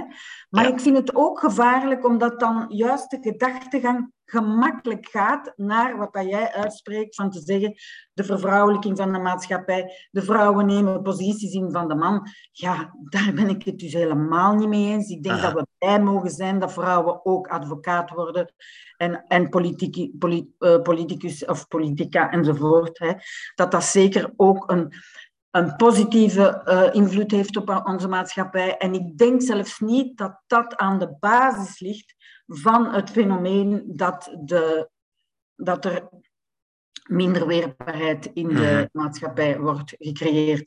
En als ik daar verder op nadenk, dan denk ik, ja, elke persoon heeft stukken uh, vaderlijke functie en moederlijke functie. Op verschillende vlakken. Hè? En dat Mhm. gaat in een, in een gezinssituatie ook zijn dat, dat, dat uh, hier de vader, de moederlijke functie enzovoort. Dus dat is een wirwar. Dat is niet zo wit-zwart. Mhm. En uh, allee, het, dan neem ik u, uh, wat dat ik van, van u geleerd heb enzovoort, dan denk ik, het enige wat echt telt, is eigenlijk die verschillende karakters van, van in welke mate heeft die uh, moederlijke functie of die vaderlijke functie, of als we dan verder gaan, de moeder en de vader, in welke mate is daar bewustzijn? Dus zit ze niet in de onwetendheid, maar zit ze in het bewustzijn. Hè? En dat denk ik dat belangrijk is. De moeder kan even goed. Ik weet wel dat je dat zegt, maar. Ik, ik denk dat ik dat gezegd heb, ja. Ja ik denk, maar ik denk dat je niet zegt dat ik niet gezegd heb, hoor. Dina. Jawel, Ik, jawel, ik begrijp je hebt- natuurlijk je irritatie, hè, maar eh, Ja, maar je zegt toch dingen zoals. ehm, wacht, hè. eh, moeders vinden het veel moeilijker Ja. om, om te weigeren aan hun kinderen. Maar Gerbert, ik ben dat daar helemaal niet mee eens. Dan moeten, Moeders die moeten dat gewoon waarschijnlijk veel vaker doen. Hè? eh, aan, aan hun kinderen iets weigeren. mhm. Dus allee, ik wil maar zeggen, uw narratief Mhm. neigt toch een beetje naar dat te polariseren. Mhm. En daar ben ik het niet mee eens. Je hebt ook gezegd, hè, de, de, de, de beroepen worden nu ook ingepalmd door vrouwen. Dat klonk ook niet zo positief. Wel, daar ben ik het absoluut niet mee eens. Ik denk dat dat een, een positieve ervaring is. En hoe dat het komt dat, dat, eh, ons, allee, dat inderdaad in de opvoeding dat er minder weerbaarheid is. Ik denk dat we daar verder moeten zoeken dan Ah, alleen ja. maar juist die moederlijke, vaderlijke functie. Oké, dan stel ik voor dat je verder zoekt en dat ik voorlopig mijn theorie eh, houd, die door vele mensen eh, bevestigd wordt. Maar je hebt natuurlijk gelijk, het is een, het is een observatie, het is geen wetenschap, het is een observatie. Hè? En dan zou ik zeggen, ik, had het er, ik zeg het er vaak ook bij, ik heb het er nu niet bij gezegd. Het, is een beetje de, de eeuwige discussie over statistische waarnemingen natuurlijk. Hè? Ehm, Jij, jij kent en ik kent veel vrouwen die groter zijn dan veel mannen. En toch zeggen we, mannen zijn groter dan vrouwen. En dat is natuurlijk een veralgemening waar vele nuanceringen en uitzonderingen op zijn. En toch blijft het overeind dat mannen groter zijn dan vrouwen. En dat kan je irriteren of je kan het ermee eens zijn of niet eens zijn. Maar dat is nu eenmaal, dat, dat, is een, een sociologische waarneming zou je kunnen zeggen. Je, je kunt daar niet omheen. Maar dat is feitelijk, hè, Gerbert. Dat is Ja, dat is juist feitelijk. iets wat, dat, Ja. wat ik ook van jou geleerd heb. Hè. Dat is feitelijk. Een afmeting, Ja. dat, is, dat, dat is echt wetenschappelijk oké. Maar het Dina, oké, je mag anders denken en, en je mag verder zoeken. Er wordt ook verder gezocht hoor, maar, Mhm. want er zijn natuurlijk nog mensen die het er niet mee eens zijn. Hè. Ik begrijp dat ook heel goed. Hè. Ja. Maar het, het is ook terecht hè, dat mensen andere verklaringen zoeken, dat is goed. eh, Ja. Maar zolang er geen betere, geen meer overtuigende verklaring is, vind ik dit een, een plausibele manier van kijken. Maar achter, achter, achter die functies, het vaderlijk, moederlijk, achter de, in, de functie, in het functiegebeuren kan ik meegaan. Hè? Daar kan ik Ja, maar het meegaan. gaat duidelijk over de functies. Ik, ik heb dat verschillende keren gezegd. Hè. Het gaat Ik niet over het, de persoon, het gaat over de functie. Ja. Ja. Hier en daar heb je, heb je toch een beetje doorgetrokken naar het man-vrouw zijn. Het is dat wat ik even wil aangeven. Ja. Ja. zo. En ik heb nog één opmerking. Dat is, we hebben het hier inderdaad over de man-vrouw functie. Dat is nu bij wijze van grap. Maar vaak, we ver- hier spreken we zelfs niet over de kinderlijke functie. En we zien ook wel wat eh, mannen, maar ook wel wat vrouwen, die ook nog in de kinderlijke functie zitten. Absoluut. Ja, helemaal mee eens. Daar ben ik het zeker. Daar ben ik het helemaal mee eens. Ja, doe. ja. Helemaal mee eens. Maar, maar ook, ik wil daar toch dit op zeggen, in, in de kinderlijke functie, de kinderlijke functie of de, of de kinderlijk, kindertijd, kinderperiode, is juist gekenmerkt door de moederlijke functie. Hè? Dat zijn mensen die op volwassen leeftijd nog altijd een moederlijke functie verwachten. En dat is Ja, ook ja, wat ik de immaturiteit noem natuurlijk, hè? Mhm, door een tekort aan vaderlijke functie. mhm. Ja. Voilà, merci goed, dat ik eh, iets kon zeggen. Ik stel voor dat je verder zoekt, eh, Dina. Ja, Maar het is, het is zeker geen wetenschappelijk onder. hè. De, mensen noemen alles wetenschap tegenwoordig, maar dit is zeker geen wetenschap. Hè. Dit, zijn, dit zijn waarnemingen doodgewoon. Hè. Zoals je waarneemt dat mannen groter zijn dan vrouwen. eh, En je hebt gelijk, dat zijn feiten. Dat is een gemakkelijke waarneming. Maar ik wil daarmee illustreren dat elke statistische, el- elke alle sociologie, alle waarneming, alle veralgemeningen zijn, zijn fout. Want de mens is nooit zo'n voorspelbaar gegeven. Er zijn altijd mensen die, zich, die van hun vrijheid gebruik maken om zich anders te gedragen. Ik zou soms denken dat het eigenlijk meer met het karakter van de persoon te maken heeft dan met het Ja, dan, dan voer je weer een ander woord in dat we gaan moeten definiëren. En dat valt ook moeilijk te definiëren. Ja. Maar, maar goed, eh, ja. Dan Ja. probeer je iets wat we moeilijk kunnen begrijpen te verklaren door iets dat we nog minder begrijpen. Mhm. Ja, ja. Oké. Maar goed, oké. Toch bedankt voor de vraag, want daarmee heb ik weer wat dingen kunnen zeggen die ik vergeten was natuurlijk. Ja. Oké, zijn, er, zijn er nog eh, vragen of bedenkingen?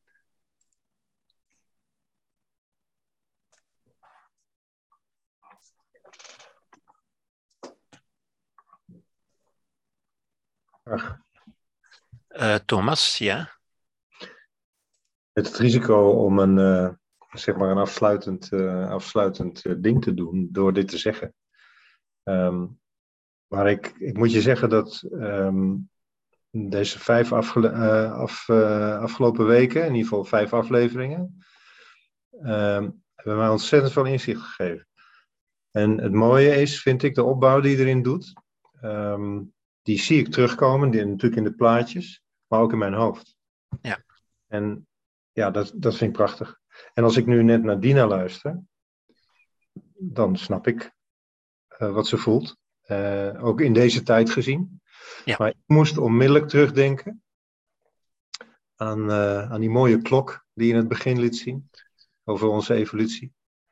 Ehm, dan denk ik, ja, nou ja, dan hebben we sinds het feminisme eh, hebben we een, een kwart seconde op jouw klok staan. Oh ja, ja, ja, ja. Ja. ik. ja, ja, Dus- ik had bijna zoiets van, nou ja, Dina, zoek alsjeblieft verder. En eh, of, als zeg maar de volgende klok is doorgedraaid en we zijn eh, twintig minuten verder of een uur, dan heb je misschien een antwoord. Maar ja, dan zijn we feitelijk zijn we weer een paar miljoen verder door, een paar miljoen jaar door. Ja.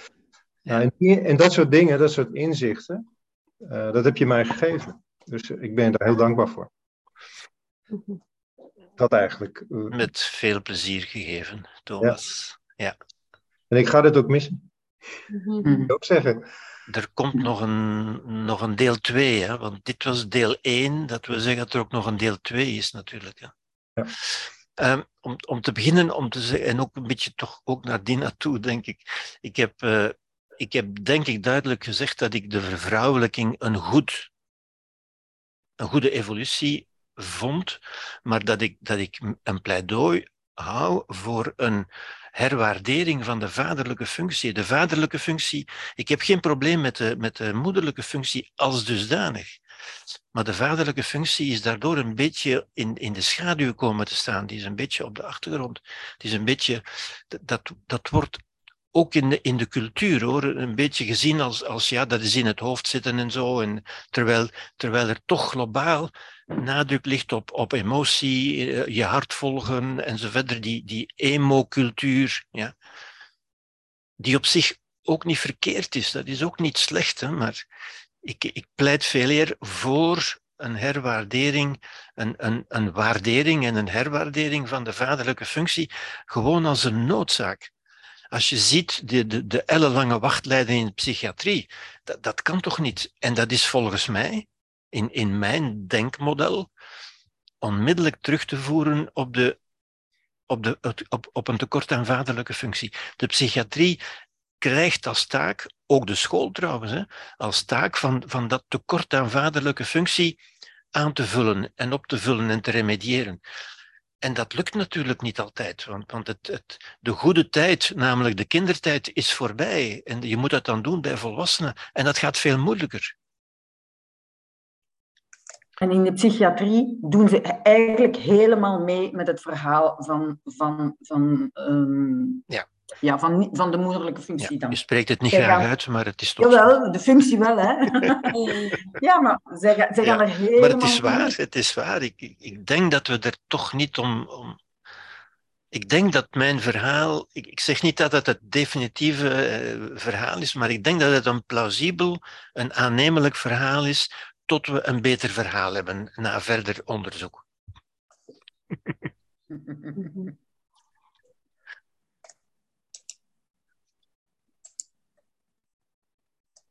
Zijn er nog uh, vragen?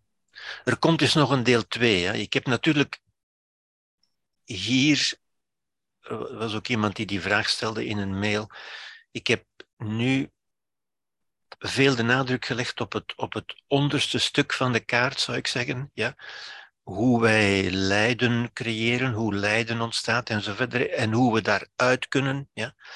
Er komt nog een tweede deel dat, dat meer de nadruk legt op het bovenste stuk, namelijk het, het creëren van welzijn, het tot stand brengen van welzijn. Ik zie, zoals Hans daar straks ook zei, ik zie die middellijn, die antropologische houding, uh, de houding ook van vrede uiteindelijk. Ja.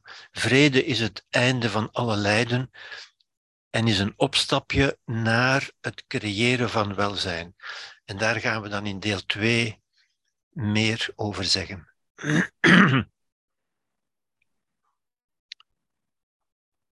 ja? Nicole wil nog even uh, bijdragen. Nicole, ja, Nicole. Nicole, wil je even je microfoontje aanzetten? Ja. Moet je microfoon aanzetten, Nicole? Ja. ja.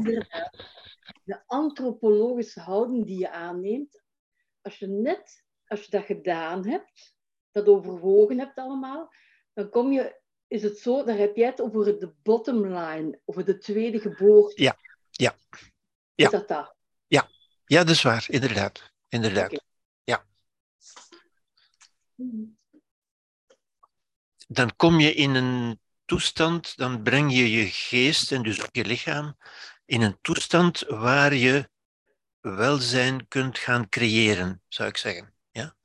Zolang je om om het weer een beetje te kort. En ik heb alles te kort gezegd, ik weet het natuurlijk, maar over, over zoveel onderwerpen zouden we een hele week kunnen uh, spreken of een heel boek schrijven. Maar, um, ik zou zeggen, zolang je in die, in die kramp van het lijden zit, en ik heb het woord verkramping toch ook een paar keren gebruikt, in die, in die stress, in dat lijden, ben je eigenlijk in die tunnelvisie ook. Hè, ben je niet vrij om om welzijn te kunnen creëren, zou ik zeggen. Ja.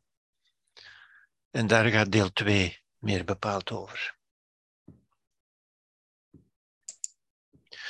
Ook daar is de scheiding niet zo strikt natuurlijk. Hè. Ik, heb, ik heb veel gezegd dat dat bijdraagt tot welzijn. En ik zal in deel 2 ook nog dingen zeggen die, die hierop het, het het overlapt natuurlijk een beetje, het kan niet anders, want het gaat over dezelfde werkelijkheid, namelijk de mens. Ja.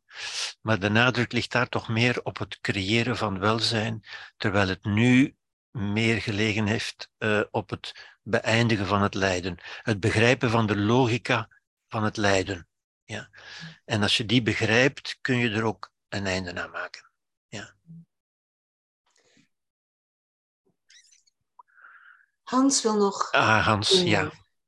Vullen. Ja, ik wil hier nog even iets meegeven, Gerbert. Ik ben nu al verschillende jaren aan het volgen en nu weer al uh, met die vijf lezingen te volgen, kom ik meer en meer tot het besef, tot het besef dat het. Uh, Zie je, ik, ik heb al veel mensen ontmoet die een boek gelezen hebben of, of die lezingen gevolgd hebben. En dan begin ik er terug over en dan zeggen die ja, ik weet het of, of ik ben er mee bezig, maar volgens mij is dat niet genoeg. Uh, ik ervaar het meer en meer van het, het te doen meer. En, Want weten is nog niet echt weten. Hè? En als je het echt, echt weet, dan wordt je zijn wordt automatisch veranderd. Ja. Ja. Om, je kunt niet meer anders. Ja. Als je weet dat je altijd je kunt herdenken en, en u, u, ja, ik heb het er juist zo, uh, u terug herijken ja, dat is toch een prachtig inzicht, wat dat eigenlijk een, een verrijking, een bevrijding is van in welke situatie dat we ook zitten, dat we altijd ons kunnen corrigeren ja. naar de welzijn. En waar dat we ook zitten, op welk punt dat we zitten, we kunnen altijd die curve ja. terug En dat is zo bevrijdend, maar ik geef eerlijk toe, hè, dat oud brein, dat is zo sterk geweest. Ja, hè? En ik, ik moet dat regelmatig voeden en daarmee ook dat ik bij de integratiegroep ben, of, of ik een boek regelmatig teruglees. Want het is niet evident van dat oud brein, ja, je weet ook, we kunnen dat niet uitschakelen, een, een taal ook niet. Maar we moeten ons toch meer en meer, denk ik, voeden met Ja. dat gedachtegoed Ja. van u, voor dan het, het uw zijn zien te veranderen of te ervaren. Absoluut. En dan denk ik dat het juist een, een verrijking is voor uzelf, van dat mogen te ervaren. Zeker, zeker. Want het, ik, ik vind het heel merkwaardig dat heel veel mensen zeggen, ja, ja, maar ik weet dat waarover dat je bezig bent en, en ik ken dat en ik ben er ook mee bezig. Maar ik zie geen verandering in hun denken of, of, of in die, in, van dat onwelzijn naar dat welzijn is, is nog altijd moeilijk dan. En ik denk als we het echt weten, dan kunnen we niet meer zeggen dat het moeilijk is, want dan moeten we het gewoon, als we het begrepen hebben, dan gaan we het doen. En dat is denk ik het plezier eigenlijk van, van daar mogen met, met, met te spelen is het juist woord, maar met te oefenen en, en dan Ja, ja. dat gewaar Ja. te worden. Ja.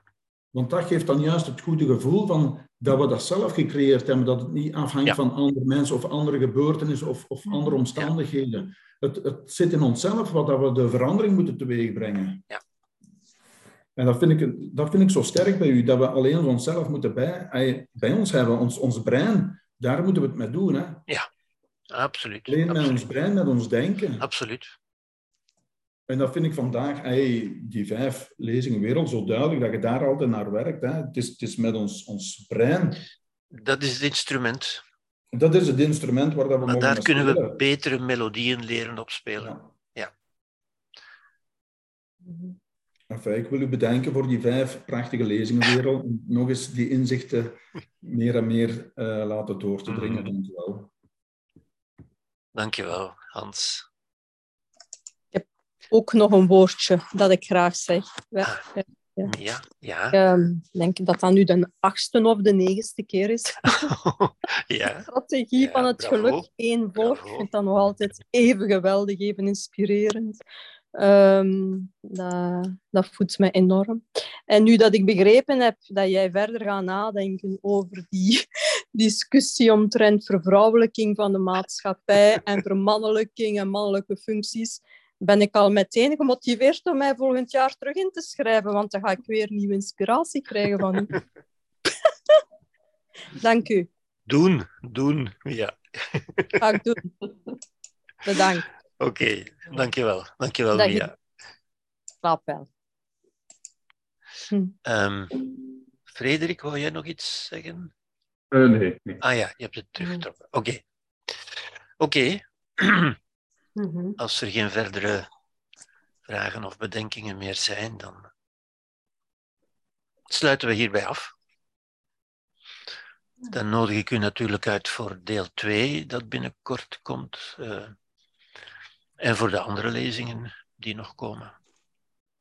Voor deel 2 zijn nog geen data's bekend. Eh, klopt dat? Eh, ja, maar daar gaat misschien nog een wijziging in komen. Eh, U, u gaat er nog wel, als u de nieuwsbrief volgt, dan gaat u dat wel merken. Mhm. Op de website. Oké.